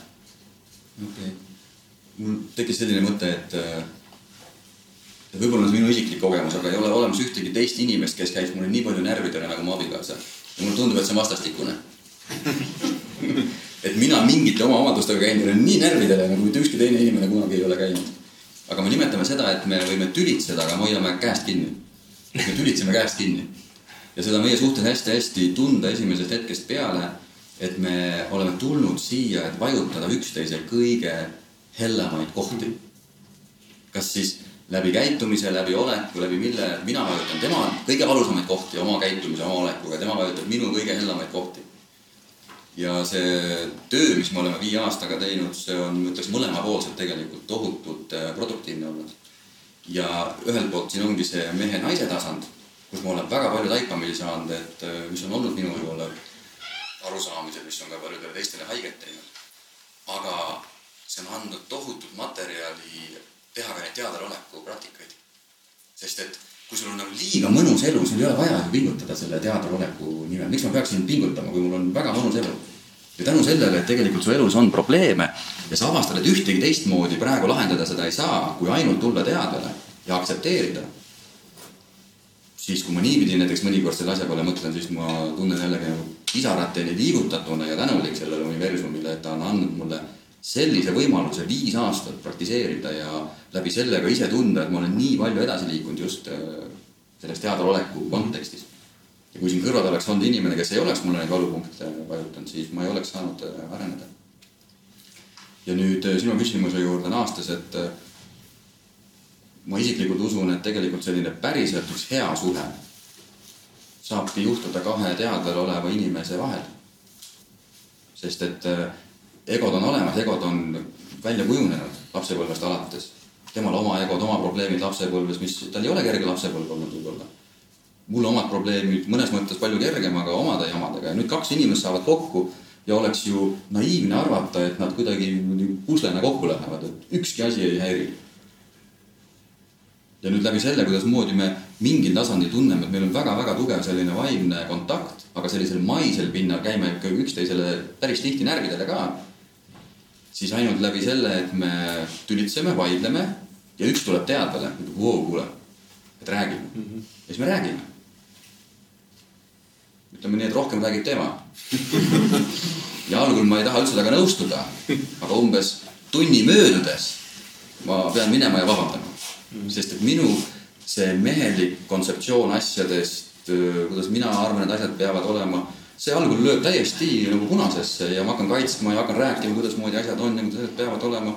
ja siis tema oma sellisel naiselikul ja üliteadlikul viisil, kasutades neid sõnu ja neid lähenemisnurki, mis kuidagi minu sellest ego väravast läbi lähevad ja ühel hetkel ta jõuab kohale ja ma saan aru, et täitsa lõpp, tal on õigus. ja esimestel aastatel ma ei tahtnud tunnistada seda. Saad aru küll, aga teed sellise näo, et nojah, see on ainult üks versioon. aga täna saad aru, ütled, et aitab, ma sain aru, vabandust, et see oli tõesti minu viga ja ma tõesti hindan teda, sest et kui me kohtusime, ta oli kahekümne kahe aastane ja ma ennem rääkisin nagu, et kahekümne seitsme aastaselt alles on võimalik teadvale tulla. ta oli kahekümne kahe aastaselt nii teadvel juba ja, ja ma ütleks, et teadlikum kui mina. eriti just sellistes kriisiolukordades. Ja ainult läbi selle, kuidas tema oma teadlikkust kasutab ja kui teadvel ta püsib, on see suhe koos püsinud. ja ma arvan, et see on see võti et üks, huvitav on see, kõik, mis valdkonna sa võtad, lõpuks sa jõuad tegelikult samasse punkti, et see väärtus tuleneb oskusest ikkagi oma see ego läbi näha mm -hmm. ja teadel püsida, et see on selline üliväärtuslik tööriist igas eluvaldkonnas. väga hea. Jagaks äh, ühe kaardipaki välja. Äh, küsimus on siis selline, et milline on ausalt meelt podcast'i kuulatum saade tänase seisuga? käsi püsti, kas või öelda? sa tõusid Epp Kärsin. Epp Kärsin kuule, see oli liiga lihtne, Aldi. Epp Kärsini saade pealkirjaga Jumalad unustasid õpetajale, kuidas seksida nagu jumalad on meie kõige populaarsem saade, kuulatud peaaegu neliteist tuhat korda, nii et eh, on meil kuhu, kuhu püürida käida. aga mul on see viimane küsimus, siis jätame ka võib-olla, kui kellelgi on küsimusi veel, siis saab küsida seda mm. ja see küsimus tuleb nüüd nendest eluplaani kaardipakkidest mm.. ja võtsin suvalist, mis silma jäi, on siis sihuke fake it until you make it et kas sina, Kaid, usud sellesse või mitte ja miks ja kas oskad tuua näiteid? niikaua, kui see kannatusi ei põhjusta, lase käia. aga ma arvan, et lihtsam on seda teha juhul, kui sa oled juba teadvel. sa ei aja ennast segi oma egoga, oma identiteediga. Sest et fake imine või siis selline ütleme siis võlts. näitlemine või võlts olemine toimub ainult, saab ainult toimuda ego tasandil. kui sa näed, läbi näed ja teed seda teadlikult mingitel headel eesmärkidel a la saavutada midagi ja sa ei tee sellega teistele haiget. miks mitte, aga kui inimene on samastunud ja ta ei ole teadvale tulnud ja siis ta fake ib, siis ta on õnnetu kogu aeg, sest ta tegelikult teab tõde. ta teab tegelikult, et ei ole asjad nii, nagu ma välja näitan. ja siis ta üksinda kannatab. Aga ma arvan, et meie ühiskonnas teatud kontekstis võib isegi toimida lühiajaliselt võib-olla. see niikuinii toimub seda väga palju, eriti tänasel sotsiaalmeedia ajast. kallid, kallid kuulajad, kodudes te teha, ei saa seda kahjuks, aga võib-olla kunagi hiljem saame, aga kohapeal olevad inimesed, kas teil on äh, mõni, mõni sihuke küsimus südamel, mida tahaks küsida Kaidult? see ei pea olema tänasest teema kontekstis otseselt ka. Võiks olla, aga ei pea. ühtegi näete Kaidet esimest korda, näete ühe korra Kaidet aastas ja siis ei ole küsimusi. ma küsin. kui sa mõtled tagasi oma elupeale, kas sind õpetas rohkem see aeg, kui sa olid täiesti põhjas?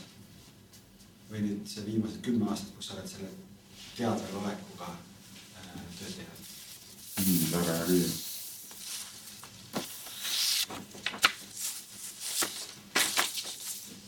ma arvan, et viimased kümme aastat rohkem sest et see kriis on ikkagi selline nagu säraküünal, mis jookseb su elust läbi. ta jätab jälje, ta lükkab sulle uue suuna sisse ja seda võib öelda, see on kindlasti väga kasulik olnud. aga mulle tundub, et need õppetunnid või, või isegi need õpetajad, kes minu juurde tookord saabusid, ma olin ise liiga egoga samastunud ja ma ei osanud tegelikult neid võib-olla kuulata ja kasutada seda õigesti ära. et et see arenemine on ikkagi toimunud, ma arvan, pigem viimaste aastatega, kui on tekkinud juba teatav vastuvõtmine, et sa ei ole enam nii kinni. aga väga hea küsimus.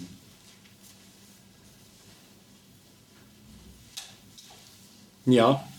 kui palju on sinu toitumine muutunud teadlikkuse tõusmisega? sada protsenti, sada kaheksakümmend kraadi. mis see tähendab? Täna ikkagi võiks öelda, et me oleme umbes niimoodi kaheksa või noh, naine on praktiliselt sada protsenti, kaheksakümmend protsenti ikkagi veganid. miks? alustasin tervislikel põhjustel, aga täna on sada protsenti, mitte sada protsenti, kaheksakümmend protsenti eetilistel ikkagi. kas tervislikel põhjustel, äh, sa ei pea nüüd lahkama, aga kas on, on saanud lahenduse? Ei, ma kipun paksuks minema lihtsalt aga kas on saanud lahenduse no praegu ei ole nii paks jah, ehk siis läbi selle, kuidas ma hakkasin liha piirama, ma kuidagi suutsin ka teisi isusid täitsa paremini kontrollida, et ma õppisin selle lihade kontrollimise ära.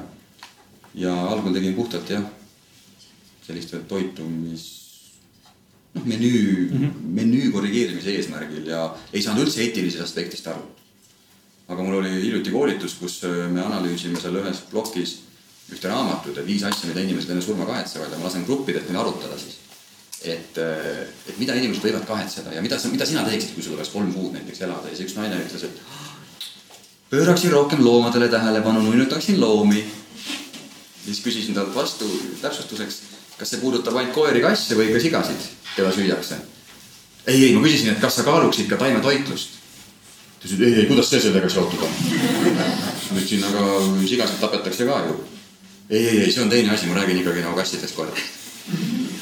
ehk siis täna ma julgen öelda, et ma tõepoolest äh, ei saa aru, kuidas on võimalik. ma olen palju kodus arutanud, et, et näiteks kui panna samamoodi nagu suitsupakid on pandud peale need äh, mingisugused jubedad pildid, kui sa paned näiteks Selverisse lihaleti kohale ekraanid kuskilt sealt Earthlingist ja mingisugused filmid, et kui palju oleks neid inimesi, kes võtaks. tõenäoliselt nad võtaks, aga niimoodi või veel parem, et a la, kui tahad võtta, siin on üks küülik, kellega sa pead, kelle sa pead ära tapma ja siin on nuga, tapa ära, siis võid võtta. et kui, kui nii kaugele nagu viia, et siis inimesed nagu tulevad, aga tegelikult nad eitavad. et nad lihtsalt ei taha ja ma ise ka eitasin kunagi ja ma, see on hästi normaalne meie ühiskonnas, sellepärast et see on lihtsalt niimoodi üles ehitatud praegu. eks alati vist ei pea ka, ma arvan, et ma ise näen ka seda, et ka mina olen selle valiku teinud, aga, aga ma saan täiesti aru, et on inimesi, kes, kes noh, see ei olegi nende jaoks. see on täiesti fine. muidugi tuleb teha oma sisetunde järgi. kui on meil rohkem küsimusi ei ole, on, ei ole? jaa.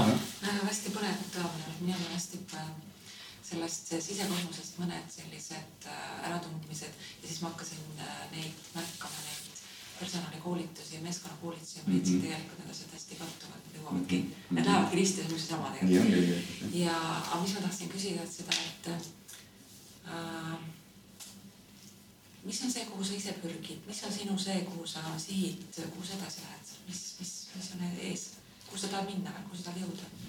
kas sa küsid äh, persoonana või sa küsid äh, üldse elus? ma mõtlen mõtlema? persoonana võib-olla ja siis see, see äh, mm, võib-olla see lähim või või see sügavam minateadvuse sügavam see siinolek nii-öelda mm. -hmm. kas see on see, mida sa püüdled veel nii-öelda siit kuskile sügavamale mm? -hmm. kas on see juba kõik kätte tulnud või mm, -hmm. või on midagi? ei ole absoluutselt, ei ole kätte saanudki seda. on, on rahu, aga ei ole õndsust näiteks. et selles rahuseisundis need harjutused, mis me teeme, et ei ole õndsust, väidetavalt meistrid ütlevad, tuleb õndsust ka ja see on see koht, kus öeldakse, et, et nii-öelda jumal tuleb vastu. ja see on, on mingi tasand, aga mul ei ole aimugi sellest veel nii et kui sa küsid sellises spirituaalses mõttes või tervikuna, mis mu elu eesmärk on, siis ainult see eesmärk on tegelikult, et ikkagi, et ma ei peaks seda kogema vahetult enne surma, vahetult enne surma me niikuinii kogeme seda. aga et see saaks varem juhtuda juba. sest ma siiralt usun, et tegelikult iga inimese eesmärk on see, aga mulle endale meeldib niimoodi mõelda, et on selline spiraal. ja siis nii-öelda need hinged või kuidas me neid nimetame siis võib-olla see aspekt, jumalik aspekt. et noh, nagu kehastuvad, toimuvad need inkarnatsioonid ja on sellel spiraalil erinevad tasemed ja on inimesi, kes on siin alumistel tasemetel ja see ei olegi nende värk. sa võid kogeda väga, kas väga rasket elu või väga võib-olla toredat, mugavat elu, aga see ei olegi sinu kord ja sa suredki ära ja sa alles surmahetkel saad aru, et vau, mis värk on nagu ja siis sa ja väidetavalt paljud saavad selle kogemuse ja siis sa tuled võib-olla veel mingi sada korda siia ja siis mingil hetkel sul hakkab tunduma, et kurat, midagi on mäda nagu. see ei toimi enam päris sellisel viisil ja siis sa hakkad otsima ja siis sa jõuad kõrgemale, kõrgemale ja siis mingil hetkel sa ütledki, et ma ei taha seda ennem ära minna, kui ma olen vaba. ja tõenäoliselt äh, ma ei tea, kas see juhtub selles elus või see ei juhtu, aga mul ei ole ühtegi teist eesmärki. see on ainukene eesmärk. ja nüüd, kui sa küsid persona tasandil, siis äh, luua endale võimalikult mugav elu, et ma ei peaks raha pärast muretsema, et ma saaksin olla lihtsalt, et ära oodata, kuni juhtub see on täielik tõde nagu. see juhtuks soojas toas jah, ei tea, oleks vähemalt, kui juhtuma peaks. kas sa oled, ah, küsi, küsi.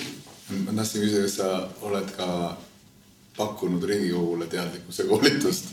lootusetu, ma isegi olen püüdnud seda juhtidele pakkuda, aga ei, ei olnud huvitatud, sest see ei aita kuidagi käivet suurendada.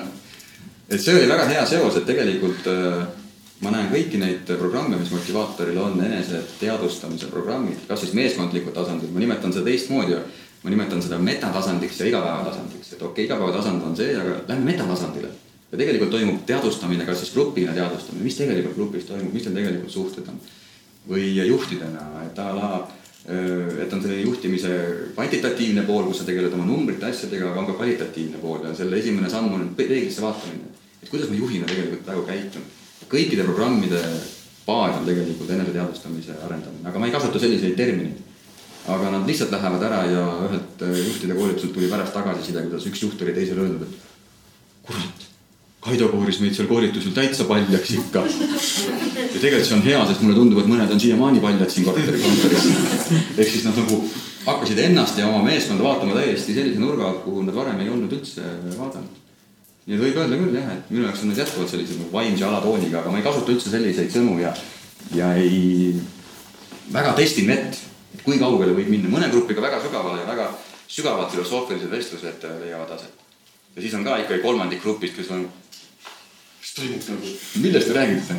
ma näete mõelda, et ma olen lugenud neid, siis ma mõtlesin, et vau, päriselt, kas selles organisatsioonis on võimalik üldse sellisel tasandil mingi selline muutus läbi viia.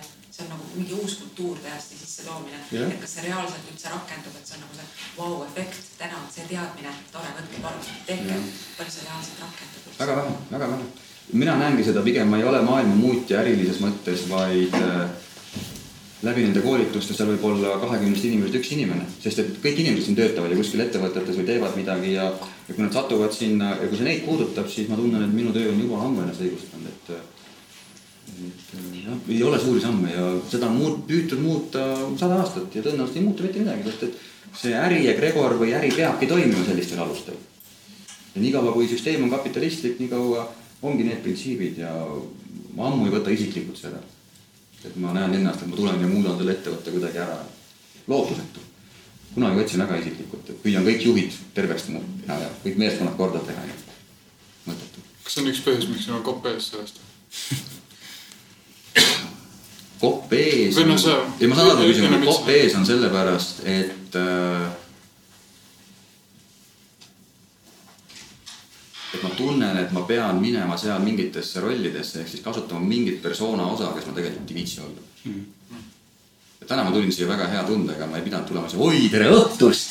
no nii, hakkame siis pihta kõik tulin, istusin ja viskasin sinna pikali ja mõtlesin, et vaatan veitsa loodusfilmi ja ma ei pidanud nagu üritama olla, aga ma lähen juhtide koolitusele ja tunnen parajasti ja teate, et üldse ei viitsi praegu ausalt öeldes olla, tahaks raamatut lugeda.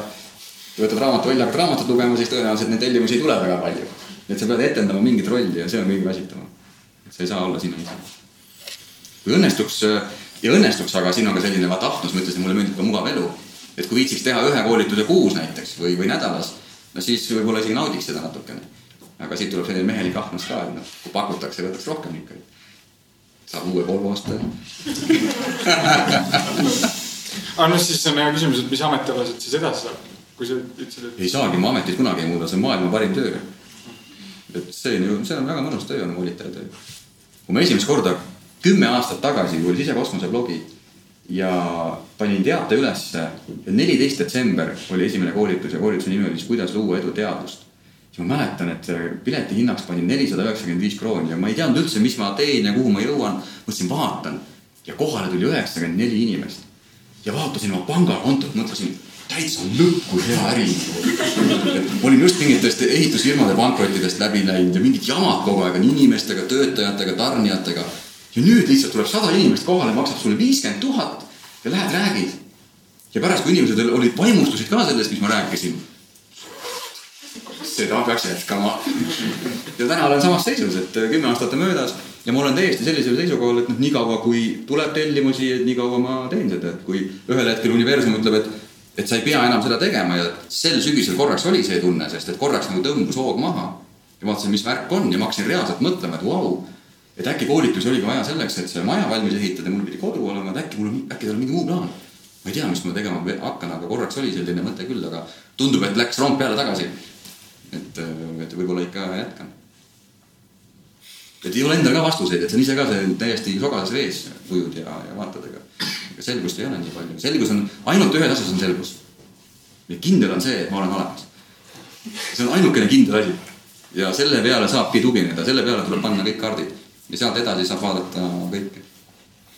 selle koha pealt on siin hea, hea mul nagu mainida ära võib-olla lõpetus ka, et Äh, eelkõige aitäh sulle, Kaido, et sa tulid üldse täna meile juurde vestlema siia meie, meie podcast'i ja, ja nendele, nende inimeste juurde siia kõrvale. ja aitäh teile, et tulite. sest ilma teieta ju ei oleks seda sündmust tegelikult täna juhtunud. aga sa rääkisid rahast sellest, et, et äh, ikkagi mehes on, mehes on oskus ja julgus ja tahtmine küsida, küsida nagu nüüd pappi küsida kõvasti. siis täna ju tegelikult olete siin tasuta. et äh, kui inimesed veel ei tea, siis noh, mitte, et siin mingit väga midagi peaks välja ütlema seda, aga hästi imetlusväärne minu meelest ja samal ajal aukartust ja samal ajal hästi väärtust ja heatunnet ja sihukest nagu alandlikkust tekitav sinu vastu. et sa tulid tasuta tegema seda. et raha sa ei tahtnud, aga mul on kingitus, Kaido, nii et aitäh sulle, et tulid.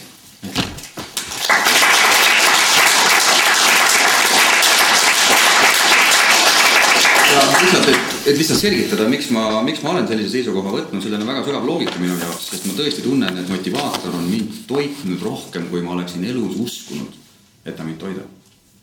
ta on mulle nii palju andnud. ma tunnengi, et, et läbi selliste sündmuste, kui mind kuhugi äh, kutsutakse. et see ei ole nagu see koht, kus ma veel peaksin ütlema, ma saan siit veel natukene.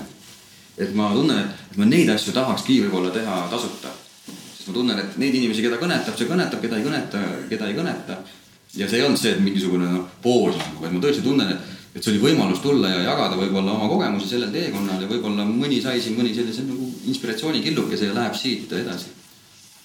et see oli see nagu loogika seal tagasi ja ma olen nagu vaba nagu sellest siis täiesti, ma ei oska öelda.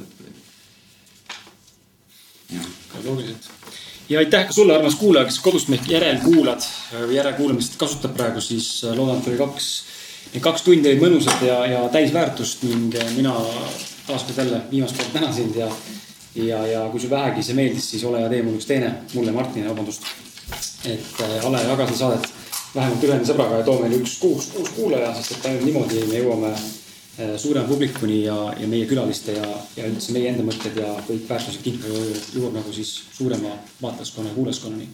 aitäh sulle ja sinuga kohtun järgmisel reedel, kui mitte varem, tšau. aitäh, tšau.